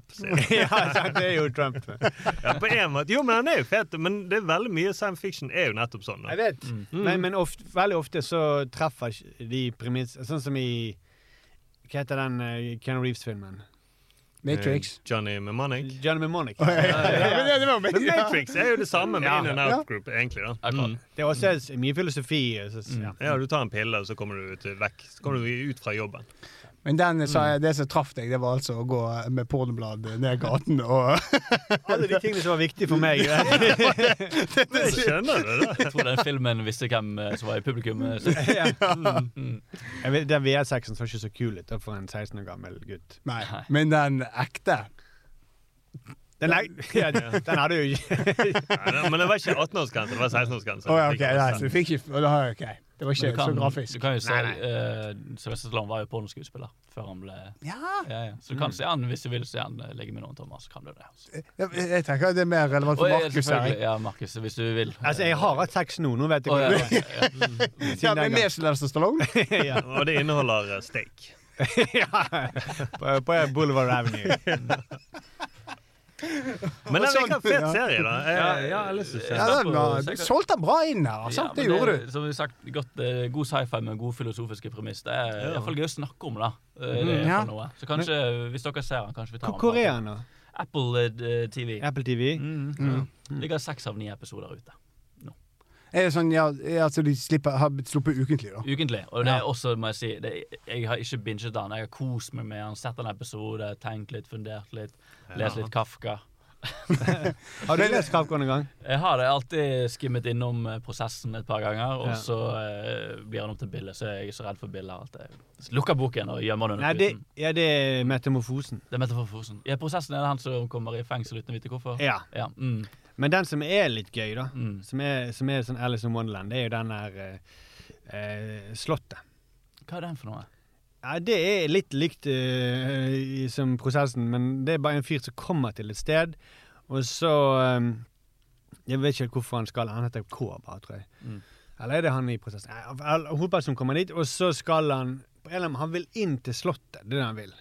Men han kommer seg aldri inn til Slottet, for det blir liksom er det så mye byråkrati, og han møter folk Han møter veldig så rare vesener. Folk som tvillinger som snakker i kor, og, eller, og det, det er veldig sånn eh, Veldig Alice in Wonderland, samtidig så det er veldig Hvis du prøver å komme gjennom på kundeservice Jeg satt og tenkte på Nav, egentlig. Ja, sant? Det er veldig sånn navaesk, da. Mm, ja. At du, det gir mening, det er en slags logikk bak den byråkratien, men du, så kommer du aldri dit du vil, og så ja, for når du ringer til Nav, så er det to tvillinger som hele tiden sier vi minner om våre nettsider. Ja. Mm. Så det er jo faktisk en fra, det, er en, det er jo en framtidsvisjon skrevet i 19... Eh, før krigen, iallfall. Ja. Mm. Før Nav ble Nav. Før Nav ble Nav. Men Nav ble formet etter den boken. Ja, det tror jeg faktisk. ja, det er det som er trist. Jeg tror de bare tenkte hvordan kan vi hindre at for hele samfunnet på velferd? Ok, vi bare bygger det opp på den måten. Men det er en morsom bok, da. Det er masse vittige ting. Det, Ja. det, du får sånn tegnefilmbilder i hodet hele tiden. Mm. Av en eller annen Ja. Men ja, det var den. Det, Det var en ganske solid start her. Ja. ja, Ja, ja. Skal vi eh, gå litt eh, Ta det litt ned igjen nå til Thomas? eh, Ja, altså eh, vi, Det gjør vi eh, fort og elegant her, da. Eh, For jeg har veldig lite å komme med. Jeg, jeg har jo sett eh, litt mer på Cobra Kai, og det er jo kjempegøy. Herregud, jeg Har du gjort leksene dine i dag? Jo, da, jo, men altså, jeg har jo Det eh, står Papirhuset på notatet. Nei, jeg har eh, um, Jeg har jo snakket om Love Is Blind, og jeg har jo vært vært ja. veldig Ja, så den for trenger det. vi ikke snakke om igjen. Nei, nei, men for det at nå kom jeg på eh, Jeg må innrømme at jeg, jeg syns det var veldig gøy. Men når de nå eh, kom til siste episoden i sesongen, da de begynte å gifte seg, Ja. så var det liksom Det som skulle være høydepunktet, syns jeg var et antiklimaks. Oh, ja. Altså, Ja. jeg, jo, jeg har jo ikke vært, på pod med deg ennå, mens Nei. du snakket om Love is blind. Ja, for det, det var det Jeg hadde tenkt Ja. å få Arild i gang, for jeg regnet med at Arild har sett alt og begge sesongene og har en dyp analyse av det. Mm. Men jeg synes, da kjente jeg at det var sånn der, mm, du er ja, utmattet. Det er det du, ja, er. du er helt utmattet. utmattet. Du er så utslitt av disse skadete menneskene som har karret seg gjennom et kjærlighetsforhold som ikke finnes. Og Ja. så når de står der, du, du, er, du blir så du, du er bare tom for energi, tror jeg. Ja, det kan godt være. For det, Mm. det, og det var jo, de episodene er jo sånn dobbelt så lange òg. Så det er sånn, helsike, så det var liksom bare Og så, og så er mesterlig sånn eh, amerikansk reality-klipping. Sånn, Du vet at dette sekundet, det var egentlig denne sekvensen her hentet på fem sekunder, men de trekker det ut i 35. Alle sånne, er sånn, sånne reaksjoner fra sånn Mamma, Svigerfaren som flakker med blikket, og så kommer det dramatisk musikk, liksom. Sånn at de skaper en sånn tvil og illusjon. Og det er litt fascinerende og gøy, men det er veldig slitsomt. når de Kommer det inn i sånn spark, rett fram-spark. Ja, rett fram-spark hver gang. Det er liksom, den serien er jo Premisset er at du har folk som er så skjøre og desperate etter å bli elsket, at de blir forelsket i en vegg. Ja. Og dette er sant. Det er jo det de blir. Forelsket, Ja. de, har blitt forelsket i en vegg, og det, det er bra nok for dem. også gjennom hele serien så er jo de så skjøre. Og du jeg har aldri hatt det så vondt av å se en reality-deltaker som noen som helst av deltakerne på den serien. Fordi de er Har bare du sett så Tommy Steine når han skal klatre? 71 grader nord. Det er fordi de er så De forholdene er jo så Det er ett eller to forhold som er overraskende bra, og noen av de er jo fremdeles sammen, til og med. Ja, to av de er sammen, og det var Ja. de to som sa ja. Resten sa vel nei. da. Ja, fordi, og i det, i det bryllupet da, så er jo du fordi du vet at disse er jo så problematiske, disse forholdene. Hun ene har fått kallenavnet Hun heter Jessica, men hun har fått kallenavnet Messica Ja. på internett. eh, Fordi at hun er jo så Hun gir vin til hønen sin og er så Ja, det er sykeste scenen. Hun sitter og drikker vin. Dette, det, var så, det er sånn liten detalj. Hun sitter og drikker vin med han der frieren sin. Og så tar hun ned glasset, så begynner hønen å slikke oppi glasset, og så bare fortsetter hun å drikke det sjøl.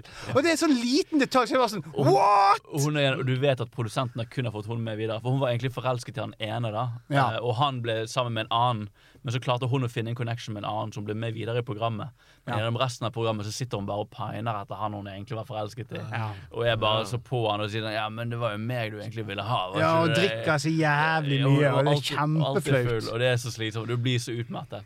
Og det at da i denne bryllupsepisoden at ting ikke går bra, er jo ikke overraskende. Nei, nei så, men, men den er så lang, og det var så utmattende. Jeg kjente at jeg bare sånn, Men, endte ok. opp med å google det. Det høres ut som han gifter seg med hunden til slutt. Ja, men det er sikkert Det der er en match. scene faktisk Jeg Minner om en scene fra det er Nanny, det Super-Nanny. Husker du det? Jeg tror du skulle si Demolition Man. Nei, nei Super-Nanny, det var de, de som hadde problembarn. Ja, ja, ja, ja, de, ja, super, ja, ja, ja. Der er det en sånn scene en morgen, så er det Fordi de får hjelp av en sånn supernanny som kontrollerer barna sine. Mm. Så er de hjemme hos de, og så ser du det før han supernanny kommer. Eh, og så gir ammer han hun eh, ene barnet, og så kommer den andre, og så eh, eh, roper 'Jeg vil ha kaffe'. OK, jeg tar litt kaffe. Toåring. så OK, jeg kan se til men Jeg trenger ikke være supernanny for å se at her er hva er som er feil her. Gir, en toåring kaffe.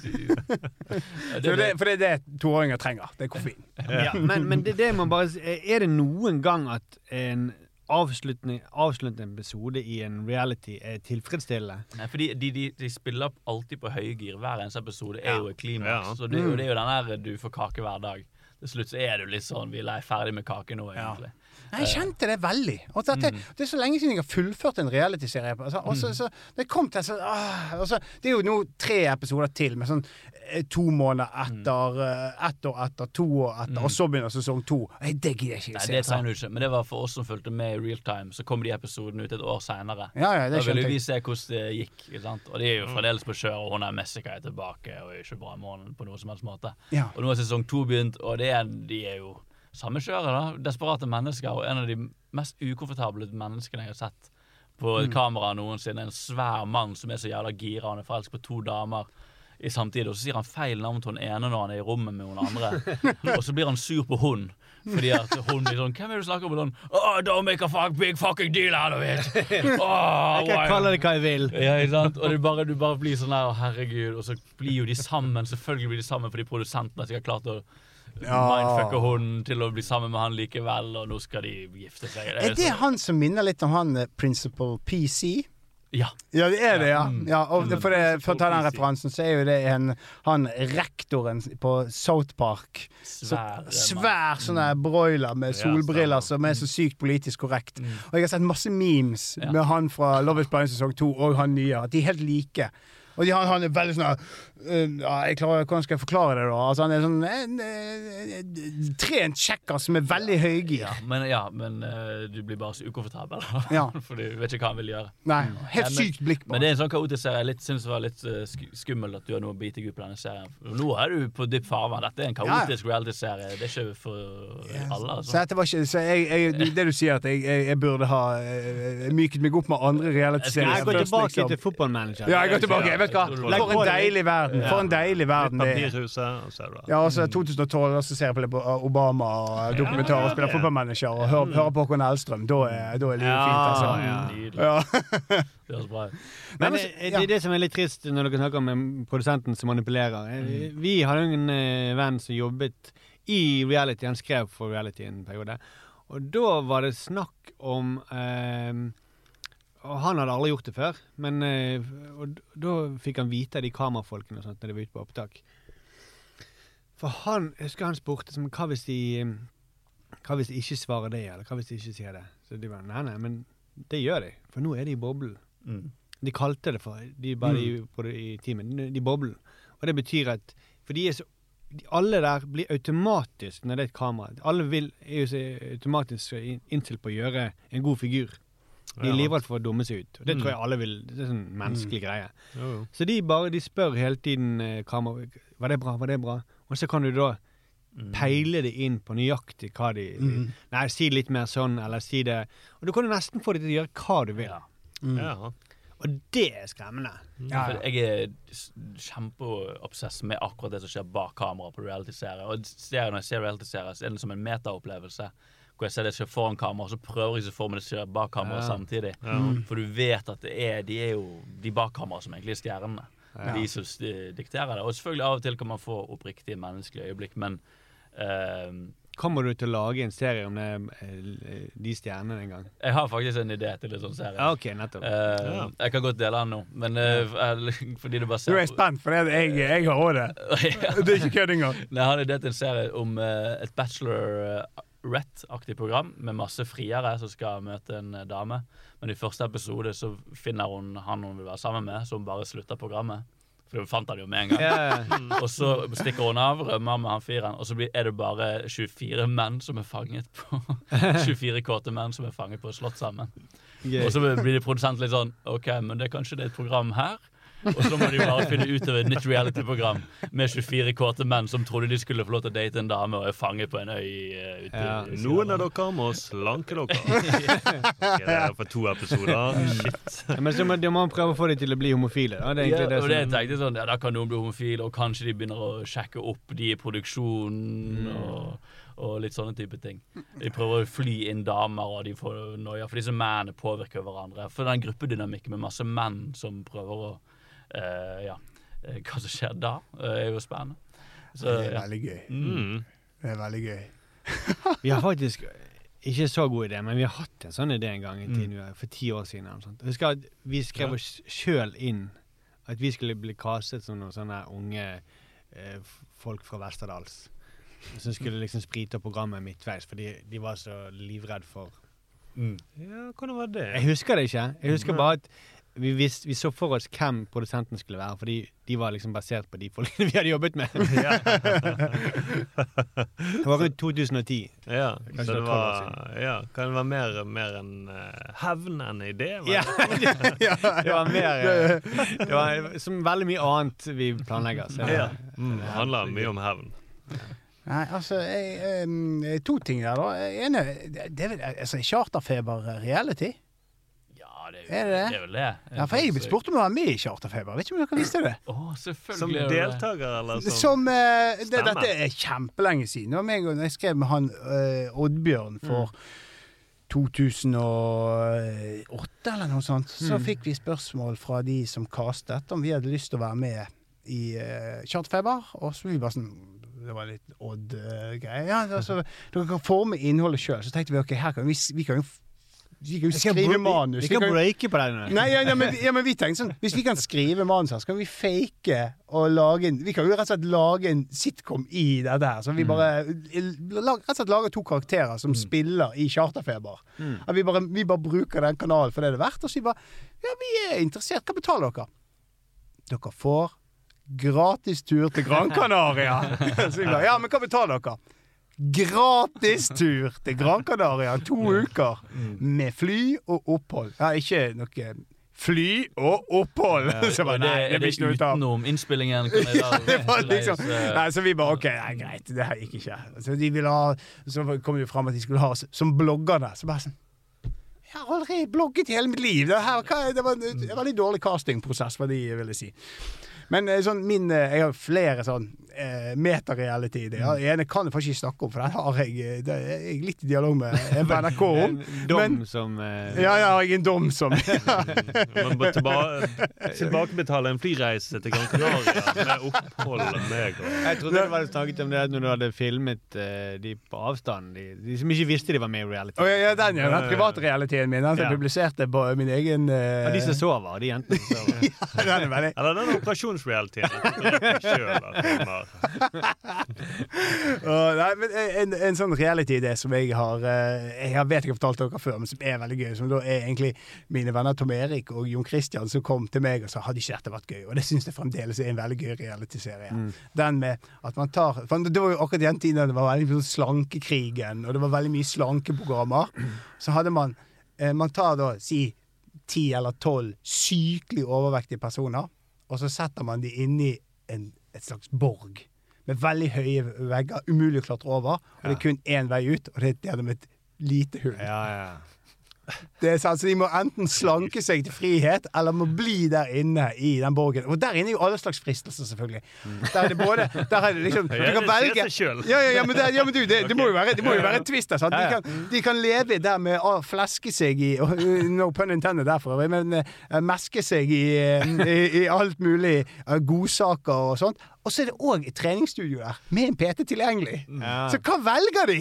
Velger de å leve i den her voldsomme overfloden av mat og god drikke. Så de må få sånn sylinderformet kropp. Ja, de må rett og slett, de må rett og slett slanke seg til frihet. Altså, Men det høres ut som et veldig dyrt konsept, for jeg tror mange av de kommer bare til å være der i mange år.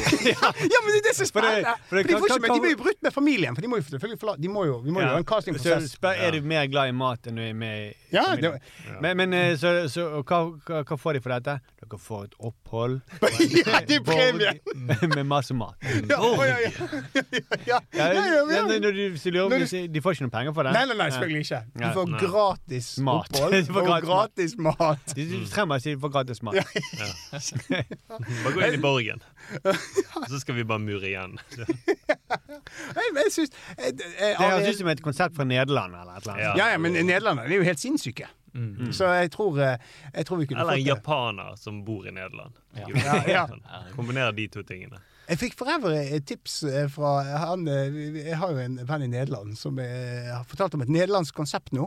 eh, Om to idealistiske Har drevet en eller annen butikk i Nederland, og så tenkte de sånn Nei, vi vil få litt distanse til dette her kapitalistiske livet, eller et eller annet sånt. Så, så de har syklet til Norge for å starte en forretning. Og så vet de ingenting om Norge, og så er jo alt sinnssykt dyrt her. Og så er det sånn der, eh, hele konseptet, De prøver liksom kjø- kjøpe ut bygg av sånne liten kommune, så har jo ikke de råd til det. Det er sånn veldig rart eh, program i Nederland. Nei, nei, dette er et ekte program i Nederland som går nå. Jeg husker ikke hva det som en het. drøm. Nei, nei, nei. Da, jeg skal finne det her. Men eh, det er ekte. Eh, veldig kjedelig å se meg leite på telefonen. Men det er, jeg skal finne ut mer om dette programmet, men altså, det er veldig rart å se på. For det at ikke gjort research. De har, trodd, de har kommet til Norge som at det er mulighetens land, og så er det bare jævlig dyrt der. Ja. Og så er det sånn, De prøver å selge antikviteter, så får jo ikke de en dritt for det. Det er jævlig rart.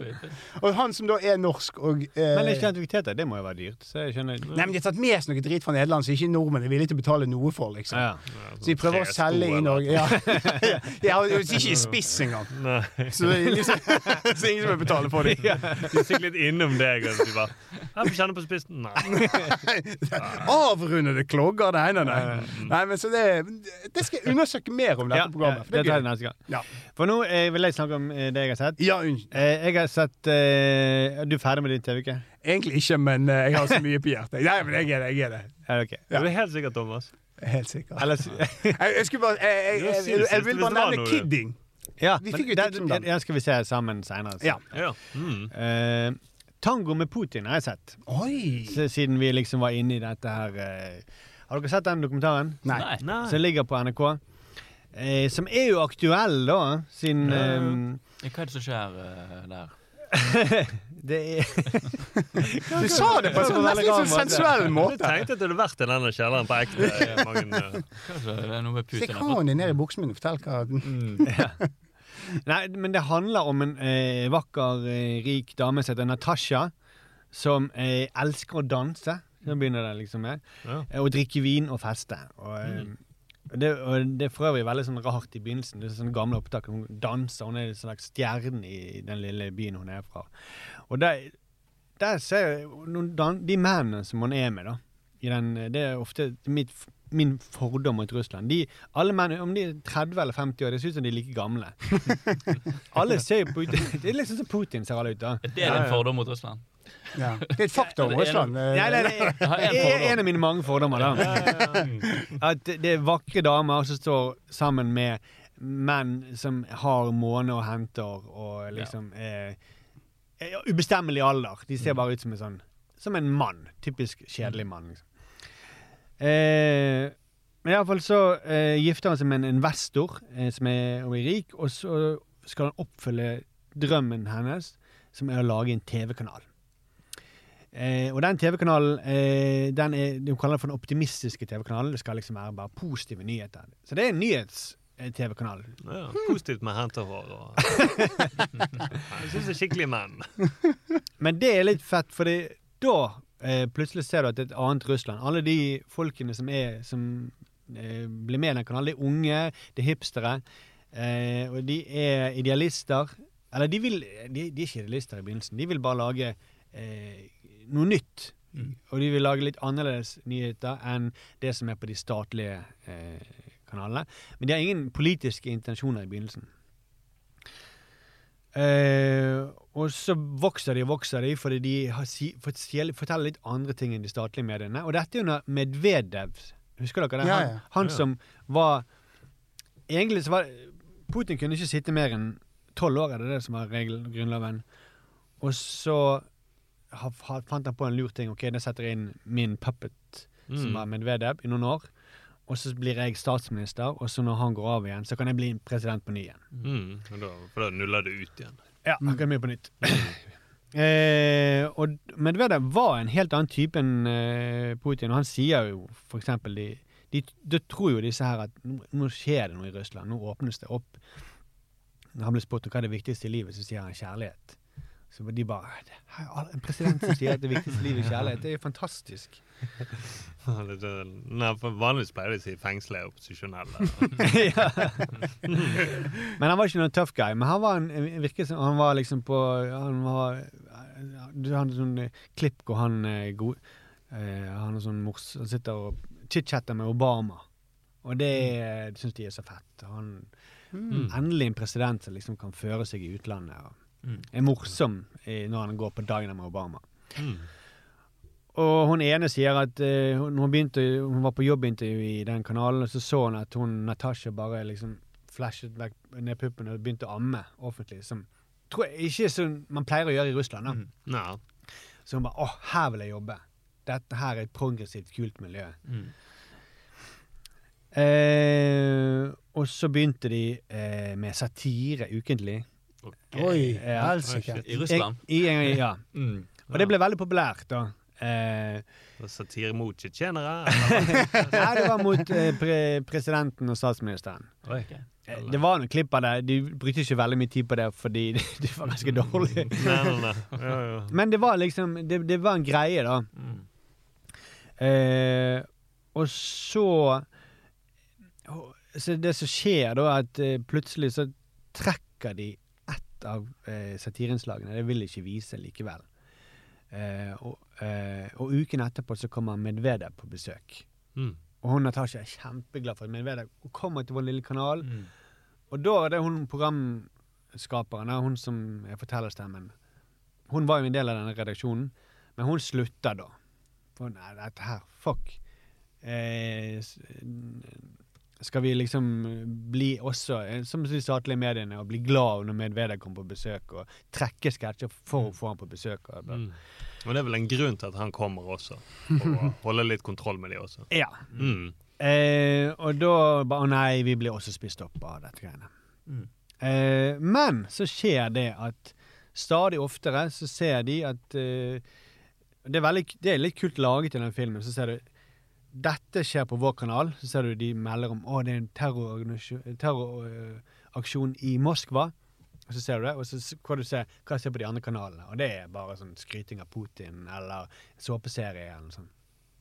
Så veldig ofte er de aleine om å fortelle om ganske dramatiske ting. Så folk kommer til de for å høre hva er det som skjer på T-banestoppet. Mm. Ja, hva som skjer i landet vårt. Ja. Mm.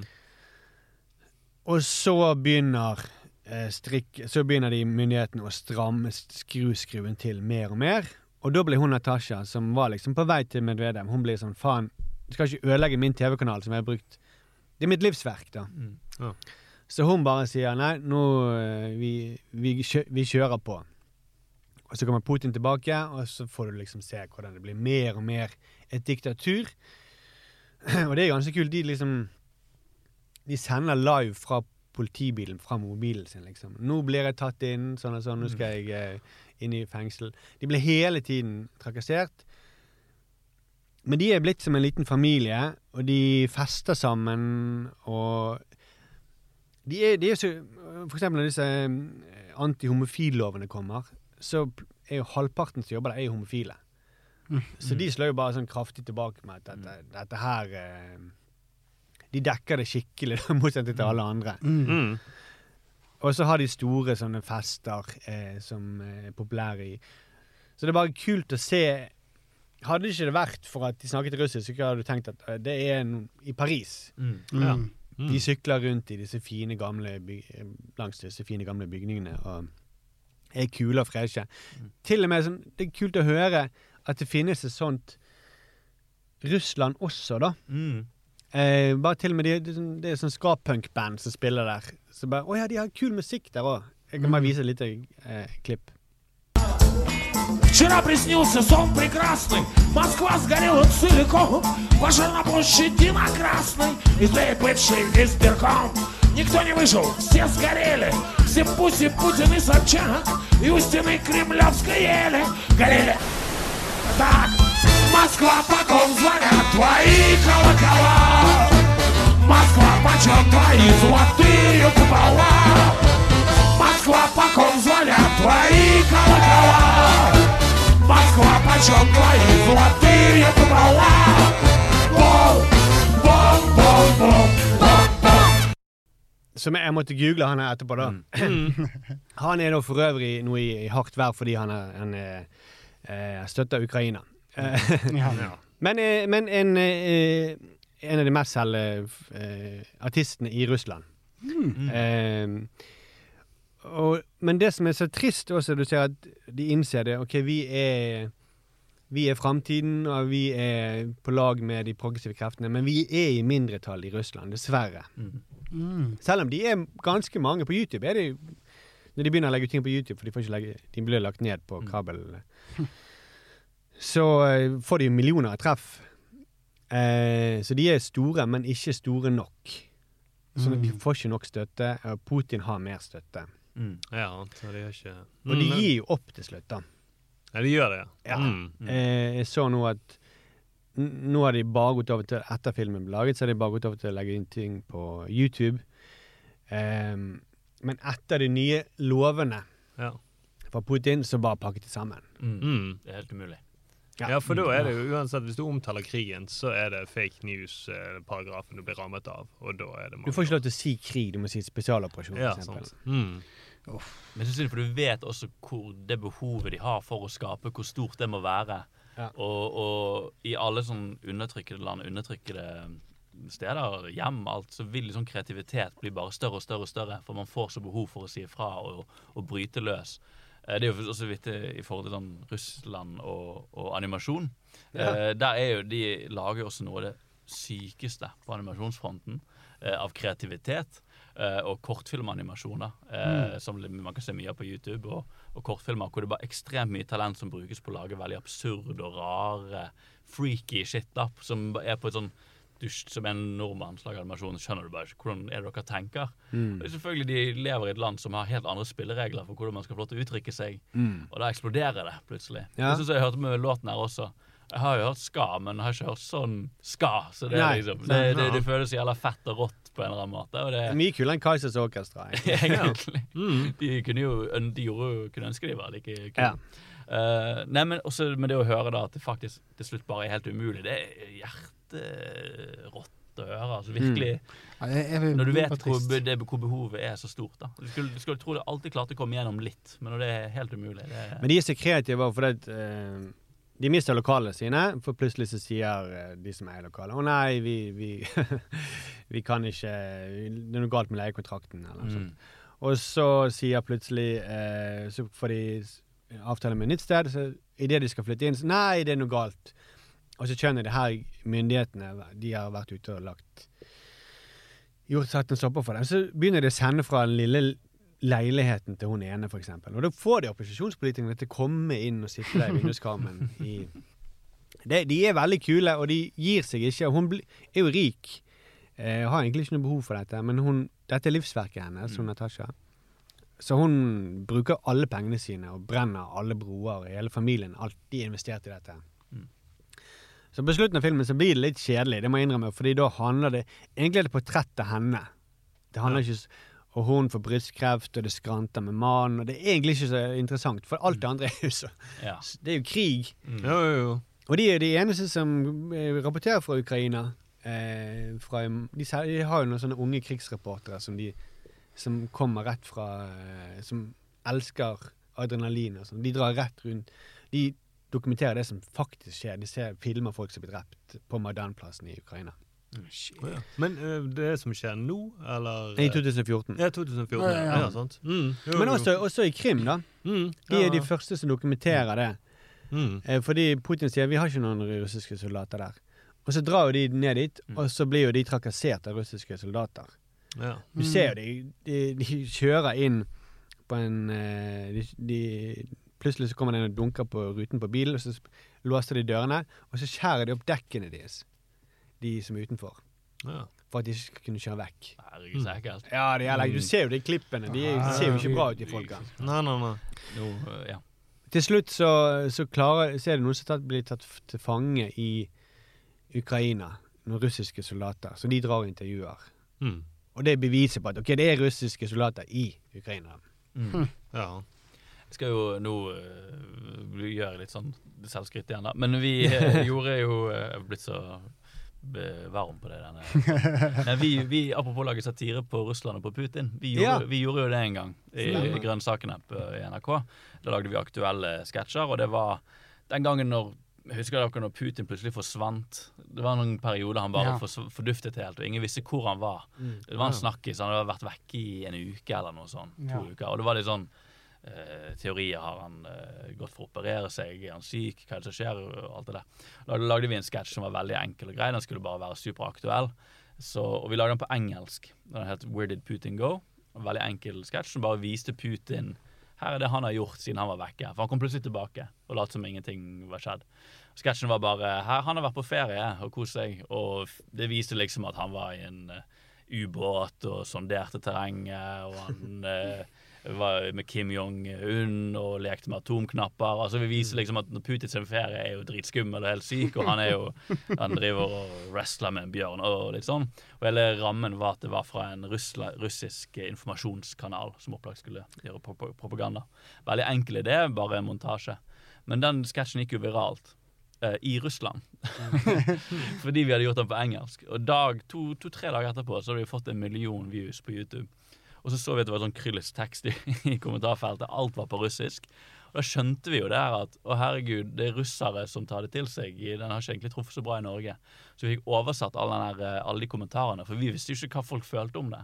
Og var litt nervøse for hva er det de må jo, Er de dritsure på oss? Det er så skummelt skriftspråk. Så du føler det sånn her eh, Herregud, bare kjefter de på oss. Og det vi så som var så fascinerende, som fikk oss til å forstå hvordan satire funker i Russland, var at det var 50-50% av folk som trodde, som skjønte vitsen og syntes det var sykt fett at vi gjorde narr av Putin. Og var helt sånn lovprise, bare fantastisk, genialt. Fuck, fuck Putin, liksom. Og resten trodde at vi hyllet han. De, trodde, de var, så på dette som en hyllest. Og så sånn, han er jo selvfølgelig dette han gjør. Han er en fantastisk mann som reiser verden rundt i ubåten sin og tøffer seg. Og for en flott tegning og sånn.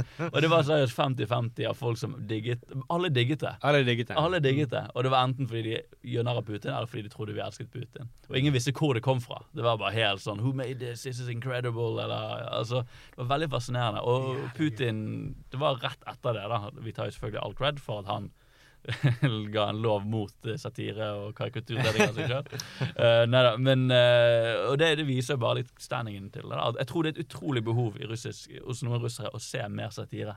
Ja. Å se folk gjøre narr av Putin, og være bevisst på at det, å bo et sted hvor man ikke får lov til å gjøre narr av politikere. Det virker helt insane. Og det, det var kanskje grunnen til at det, det, er, mm, det er eh, altså det er minst For oss er det vanlig at Ja. vi kan gjøre narr, men Mm. veldig mange andre land så er jo det, det kan du ikke gjøre. Det er akkurat det. det, er akkurat det. Men også sikkert derfor, eh, selv om det var dårlig, de der satiresegmentene, Ja. eh, så eh, var det sikkert Traff de en nerve. Mm. Ja. Men jeg tror det bare det. Jeg tror helt ærlig for noen i vårt tilfelle var bare, det er bare det å se Putin se litt rar ut. Mm. Og en liten tegning kom bare fjolla seg litt til. Var bare helt sånn wow! Ja. Så sykt at det går an å se han sånn, liksom. Ja. Det er som å lage satire Som tryllekunst for barn, på en måte. Du trenger ikke gjøre så mye, de bare syns det er så rart. å Noe som ikke er vanlig. Nei, så Ikke verdens kuleste dokumentar. Den er, har litt sånn et par fiffige grep, og så eh, Jeg vet ikke, men den, den, det er jo gøy innblikk i et annet Russland. Som jeg trenger i hvert fall bli minnet på om at det finnes et annet Russland. Ja, bare Ja. gå inn i folkene, og ikke bare hele konflikten og hele landet og alle historier, men menneskene i Russland. Jeg tror man glemmer fort eh, at det er mennesker der. Og det er flott. Det, det er jo et fett land på mange måter. Litt nærmere mikrofonen, vel. Du var litt langt fra. Sorry. Ja. Jo, jo, men det, men det Han er Teige lydstudio. Altså. Nei, men det er jo det er fint, for at man nå merker sånn at det blir jo mer og mer oppgitt over russere. Ja. De går rundt med de dumme settene. Men det er jo bare noen få som gjør det. Altså sånn Ja, men det er jo prominente folk. Da, sånn her, Ja, ja, ja. Han sjakkfyren Kajakken. Ja, Ja, takk. Men og Bolsjunov han var med på den markeringen, men han hadde, han hadde faktisk var den eneste som ikke hadde sett på. Ja, ja, ja. Det var litt, på en eller annen måte litt rart. Eller litt Men jeg lurer på om det var også taktisk, sånn at uh, Ja. de kan spille på begge deler. Men som en påpekte i dag, så jeg på eh, Facebook at eh, den setten Mhm. Det er jo Sett for Zero, det er jo sprint. Ja. Mm. Og den ser jo veldig lik ut. Den er sånn tegneseriesett. Ja. Liksom Ja, faktisk. Ja. Mm. Og den Zero er jo en sånn her eh, diktator, ikke en sånn stormannskap. Jo, det er jo hakekorset der. Ja, sant? Ja. Mm. Det er jo sen... Hva heter han? Soropa? Nei. Jeg husker ikke hva Ja. Jo, jo, men jeg, men jeg har alltid tenkt at det er sånn kyrillisk hakekors. Altså det nærmeste de kommer. Mm. Du kan bare flytte litt på denne setten og legge på en sett til. Jeg, så var så glad, jeg gruer meg sånn Jeg har jo en Ø til etternavn. Jeg bare gruer meg sånn til den Ø-en blir et sånn symbol for sånn der eh, nordiske Ja. nazister. Jeg bare vet det kommer. Men det er jo det sikkert et eller annet sted. Jeg. Jo, men jeg føler jo det er sånn her For eksempel hvis du har altså Øen nå, Hvis vi går til fotballsverdenen, sånn fotballmanager og den type ting. Nei, Ja. Mitt felt. Nei, nei, men uansett. Hver gang en norsk spiller eh, eller blir presentert i en utenlandsk klubb, så er jo det med Ø. Det står sånn "Wel- Welcome to Brighton, eller hva pokkers lag det må være. Hvor Hvordan snakker du nå? Nei, de skriver 'welcome'. Hvem gjør det? Nei, alle, alle klubber som presenterer en, nord, en norsk spiller, de skriver Ø alle steder de kan, istedenfor O. De skal snakke liksom Ja, nå. De, de snakker liksom sånn, så det er sånn, skriver de 'welcome' med Ø. Sant? Okay. Og, ja, men det er bare sånn fordi at det ser kult ut på Twitter, og så er Ø blitt et et ja, sånt som, en, symbol. som en vits, liksom? Ja, ja, Ja, ja. ja, ja. Det er liksom blitt et symbol på det nordiske, og og det er så kult å bruke Ø. Ja. I alle sånne Og det er masse sånn Jeg føler liksom at det er sånn der eh, Vi tar vare på Ø-en. Ja. Mm. Men har ikke Tool, det bandet De hadde T- Tool? Tøl. Tøl? Ja. Tøl? Ja, men de hadde et album som het et eller annet. Jeg tror det het Ø. Så Ja, heter welcome. Ja, faen, men det var jo feil i Jeg har sted. ikke sett det i det hele tatt. Det er jo welcome de skriver. Faen jeg er dummer meg. Men jeg vet at uh, når de skulle lansere Teigel Studio i utlandet, så er det Tøygel Tøygel. Tøggel Østøy, og folk bare «Åh, åh, åh, Eksotisk. Is a consult. Ah.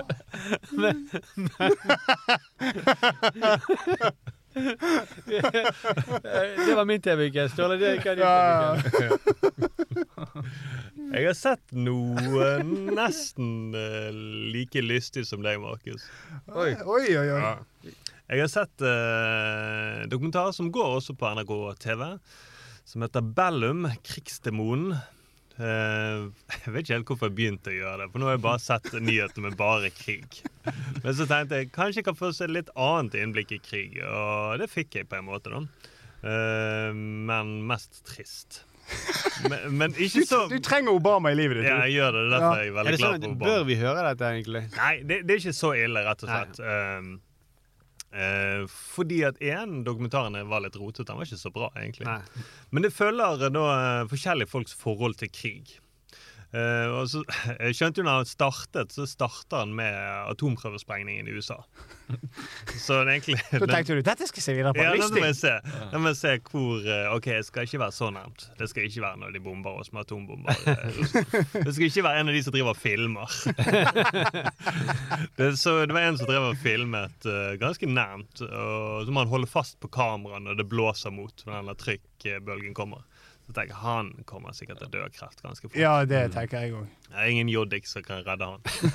Men iallfall, de, de følger noen eh, folk da som har forskjellig forhold til krig. Det er to veteraner. En sånn amerikansk Afghanistan, Irak, eh, Somalia-veteran. Han er ganske fucket. Og så har du en Hadde én person vært alle Ja, han har vært i alle de. kødder! Altså, han må være verdens Ja, han, mest dysfunksjonelle mennesket. det går ikke så bra med han. Men det merker man ganske fort. Og så er det en Vietnam-veteran som heller ikke går særlig bra med. For, for en koselig ting å sette seg ned og stå Mm. Så Hva han heter han om, eh, Bare tilfeldigvis heter han tilfeldigvis uh, Crease. Han heter, han, Ja, han heter Crease. Han, eh, etter han var i Vietnam, så startet han Cobra Kai. Yes! Ja. Han finnes på ordentlig. Han finnes på ordentlig. Men, Han sparker rett fram. Men i den dokumentaren så da eh, mangler han eh, tenner både oppe og nede. Ok. Ja, I motsetning til dokumentaren Karate Kid. Ja. Ja. Nå sitter vi og ler av Jo, men jeg merker jo nå at jeg, jeg var oppriktig ganske trist når jeg så han. Men nå, eh, når jeg sitter med dere nede i denne bunkersen her, så føles jo alt veldig trygt. eh, Så nå kan jeg le det også. Den tredje personen er da en journalist-fotograf som har vært i Afghanistan i 20 år. Og denne, selv om han er helt ny i denne dokumentaren, så ble han laget før Taliban tok over. Så det hun, eh, journalisten har gjort, er at hun har tatt bilder av alle som har blitt rammet av krig. Og den fjerde er en Taliban-kriger, da? eller? Ja, og han uh, har det ikke så bra. For han tror jo at USA aldri kommer til å komme seg ut av Afghanistan. Men uh, det skjer jo. Nei, nei. Det, den fjerde, og han er idioten, skal jeg si da. Det er en svensk ingeniør. Han heter Fredrik, så det utvikler kunstig intelligens for krig. Altså programmer som kan brukes i krig. Så da har du to stykker som er ødelagt av krig, en som tar bilder av krig, og så har du Fredrik, svensken, som er sånn happy go lucky til hele forholdet. Og det er så åh. Ja, det, er, det er ganske trist. Altså. Det er liksom sånn, han er Afghanistan-veteran. Han sliter jo med å komme tilbake igjen. Han vil jo egentlig ut igjen tilbake igjen i krig, for han kjeder seg sånn.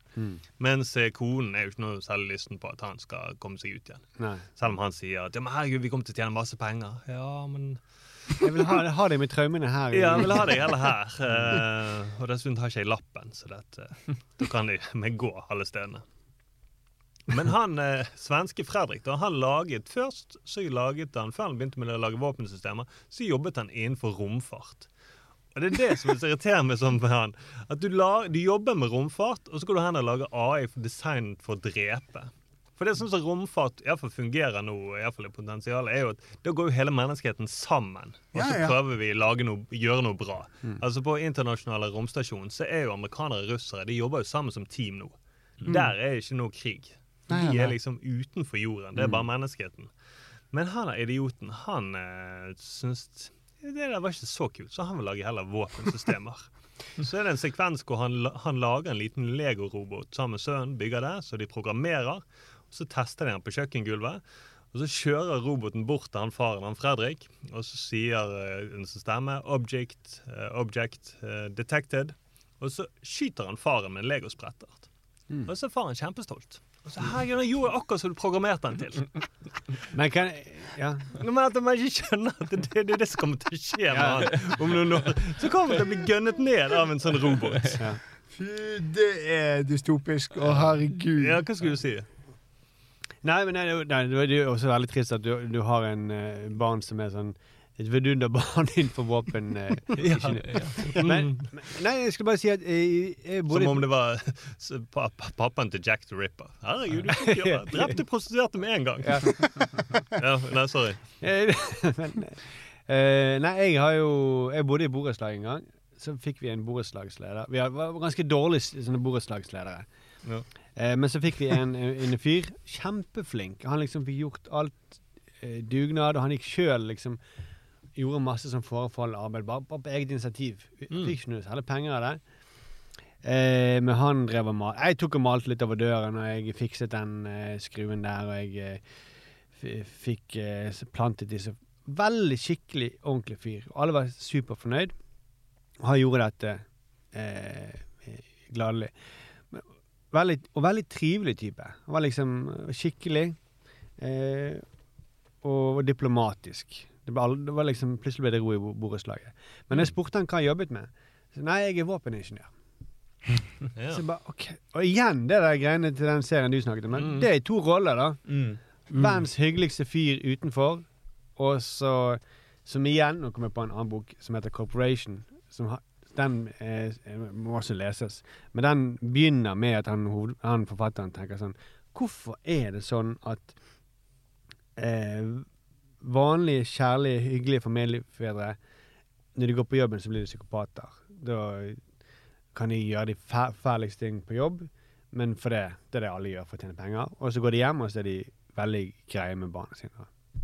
OK, det var en digresjon. Jo, men det er litt sånn, da. Bare at han eh, Han er Fredrik-karakteren. Jeg tror ikke han skjønner egentlig. Han klarer ikke å switche hele tiden. Jeg tror han er generelt eh, ikke reflekterer over hva han jobber med.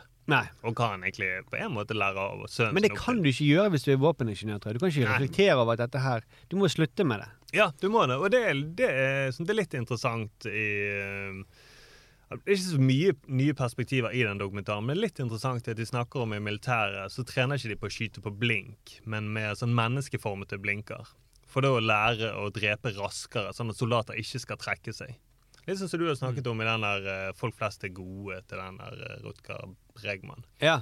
At folk har jo egentlig ikke lyst til å drepe, rett og slett. Altså det, det også, man har ikke lyst til å bli drept, men man har ikke, heller ikke lyst til å drepe. Ja, det er faktisk veldig interessant. De, de har gjort eh, de Du, du ser på meg på en litt sånn truende måte. Det er veldig interessant. Altså. ja, nei, nei, nei, men bare så dere ikke leser. Ja. Men, men de har gjort undersøkelser. De har liksom funnet fram våpenet fra, som er brukt på sånne store slagmarker. Og så har de funnet ut at det er bare sånn 13% av de som har blitt avfyrt. Sånn i mm. amerikanske borgerkrigen og sånn. De aller fleste er pissredde når de går ut dit, og de, la, de, og de, skyter, de skyter, avfyrer ikke skuddene, for de vil ikke drepe. De færreste dreper, da. Mm. Og det tristeste er et sånt slag hvor vel, i den amerikanske borgerkrigen hvor veldig mange av For det, muskedunderne er, er ladet sånn trippelladet. Mm. For den eneste måten du kan komme deg unna med å ikke skyte, er det bare du må late, stå, late som du lader hele tiden. Det hadde vært meg. Det hadde, jeg bare kjente igjen. Det Ja. rett bare sånn. Skal lade noen flere gunnere her. Jeg kan lade for deg, jeg. Det er noen som trenger. Jeg går tilbake i skyttergraven og lader Jeg er så jævla godt i gang med å lade igjen. folkens. så, Ja. Bare, bare gå i forveien. Jeg står- Jeg tenkte jeg kunne lade litt til i morgen også, så ligger vi i forkant Ja. med ladingen. Jeg skulle gjerne vært med dere over skyttergraven her, men jeg står her og lader. Jeg er så Jeg kan godt være med frivillig til ikke være lade... Altså. Ja. Jeg tenker vi starter sånn ladegjeng. Innan, Ja. Å, så gøy. Jeg vil være med i ladegjengen. Det er veldig hyggelig. Så bare lader vi dritten ut av de fyrene. Ladedivisjon. Bare hjemme på kasernen og må jeg liksom bare finne han ene fyren i militæret som elsker å drepe. da og bare liksom Ja. Og Han har jo det jævlig lett, tydeligvis, for ingen andre går rundt og skyter. Ja, han gjør sikkert karriere der. Ja, ja, ja. Jeg husker, altså jeg har jo en eh, veldig kort karriere fra Forsvaret. eh, Bare, for, altså bare vanlig eh, førstegangstjeneste. Og da var jeg så feltøvelse. Og så var jeg sånn, ja, Vi skulle simulere strid, og så skulle man ligge på vakt og tre timers skift og alt mulig sånn. Og så hvis vi så fienden, så skulle vi melde det. For da skulle vi liksom inn i aktiv strid. Og det skjedde når jeg var på post. Men jeg så at der går det fiende. Men jeg sa ingenting. For jeg visste at da blir det et helvete. Så jeg bare og det som var, ja, Så jeg lå der på vakt, og så siktet jeg ut i sånn Det var liksom skog og litt åpent landskap, så veldig åpenbart og lett å se at det går fem-seks personer igjennom litt sånn høyt siv. Og jeg bare Nei, jeg gidder ikke dette her. Så jeg bare står og sikter mot der. Og så begynner de, å gjøre- begynte de å gjøre sånn bevegelse av at det skulle bli sett.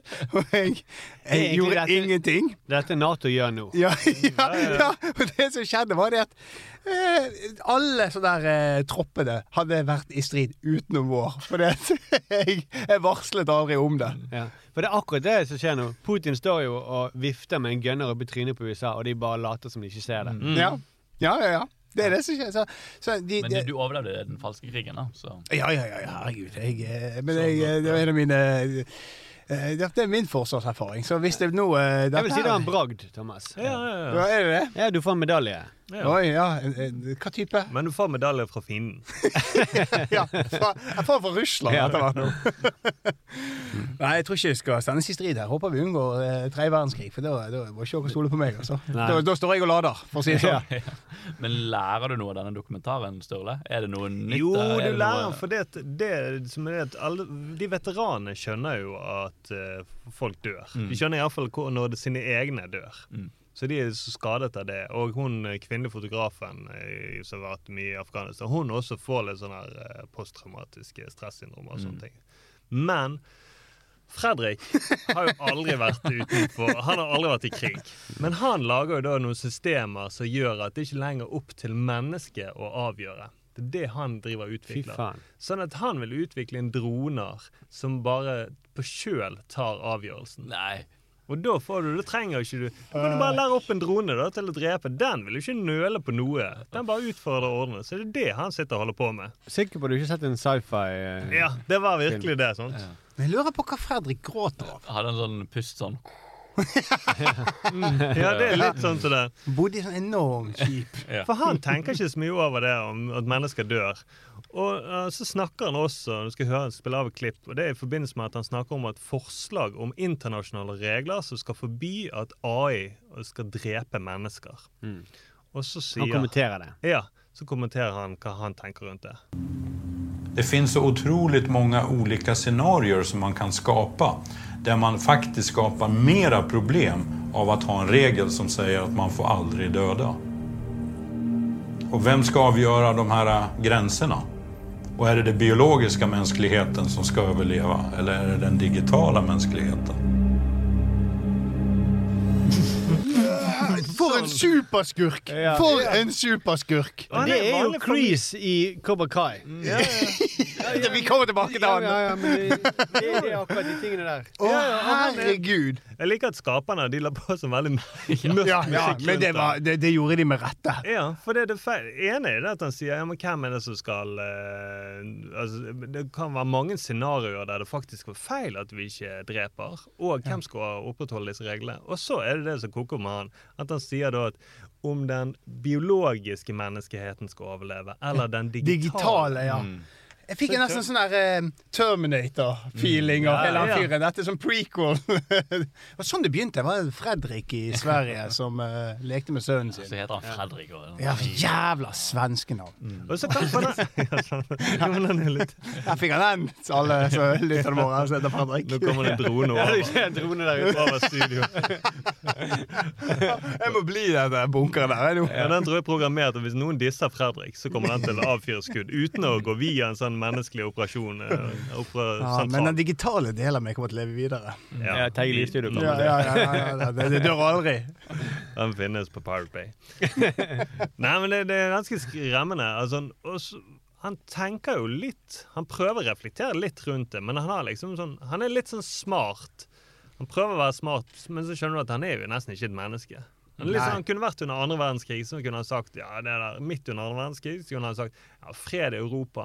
Ja, det er en veldig kompleks situasjon. Det er Ja. ikke annet, Det er så utrolig kompleks. Ja, ja. Som er sånn, Oi, så utrolig klok du var, da. Jeg tror jeg bare må få operere på disse fangene litt. Så jævla mørk, egentlig. Uh, jeg måtte stoppe midt i Iallfall da vi begynte å vise bilder av folk som er skadet i krig. Ja. Og så, når det kom tilbake til han svensken, så ble jeg jævla sur. At han var liksom Fra å gå for romfart, kjempebra menneskelig prosjekt, og så ble han helt sånn om den digitale menneskeheten. Han ville heller at den skulle overleve. Altså, Jeg skal ikke spoile for mye i Cobra men eh, Nei, ikke gjør det. Nei, ikke gjør det. Men det er, jo, det er jo faktisk akkurat de erfaringene der som han Crease gjør seg i Vietnam, ja. som gjør at uh, Du skal ikke stille spørsmål ved hvem som skal Det er ikke opp til oss. Nei, sant? Mm. Det, mm, Kobra Kai med en sånn rød tråd, sånn visdom i denne podkasten. Det- Vi henter er alt innom så derfra. mye. Ja, det eh, det- men, eh, men jeg tenker sånn, vi må jo finne noe som Sturle kan se på. Jeg blir bekymret når du ser sånne dypt forstyrrende ting som dette her. Det, du må begynne. Har du sett videre på Fuckboy Island? er du, uh... Nei, nei, den digitale Sturle kan kanskje se den. Den biologiske nekter. Nei, nei, vi må finne noe lett og lystig ting her. Altså. Ja, men det Jeg har hørt Garth Merengue's Dark Place. Har du fullført det? Nei, det blir jeg skrullet av. Nei, nei, men, eh, men det sto eh, enten den eller den nye Halo-serien. Ja. Mm. Eh, Sammen har jeg ikke noe forhold til spillet, men jeg bare tenkte jeg må ha noe som kanskje finne kobler noe- meg ut. Finne noe god sci-fi til Sturle nå. Så du kan Ja, kose deg med. det. Veldig bra. Vi eh, eh, må avrunde, og så eh, er vi tilbake igjen allerede på tirsdag. For da blir det en spesialepisode og, som vi gleder oss til veldig. For da er det nemlig den nye eh, Netflix-serien som vi alle har sett. Eh, på norsk heter den 'Kake eller ikke kake'. Mm. På engelsk så heter den 'Is it cake'? Mm. Is it cake? Ja, blir det to timer om den også, blir ikke det da? Ja, jeg tror ikke vi kan, tror ikke vi kan holde på så lenge. Jeg tenker to og en halv, tre. Det er så mye Ja, for du har det så koselig når vi møtes. Jeg vet, jeg vil bare være her. OK. Eh, vi, du får gå og drikke mer øl, Thomas, Ja, og så ja, høres vi allerede på tirsdag. Men vi kjører mer. med?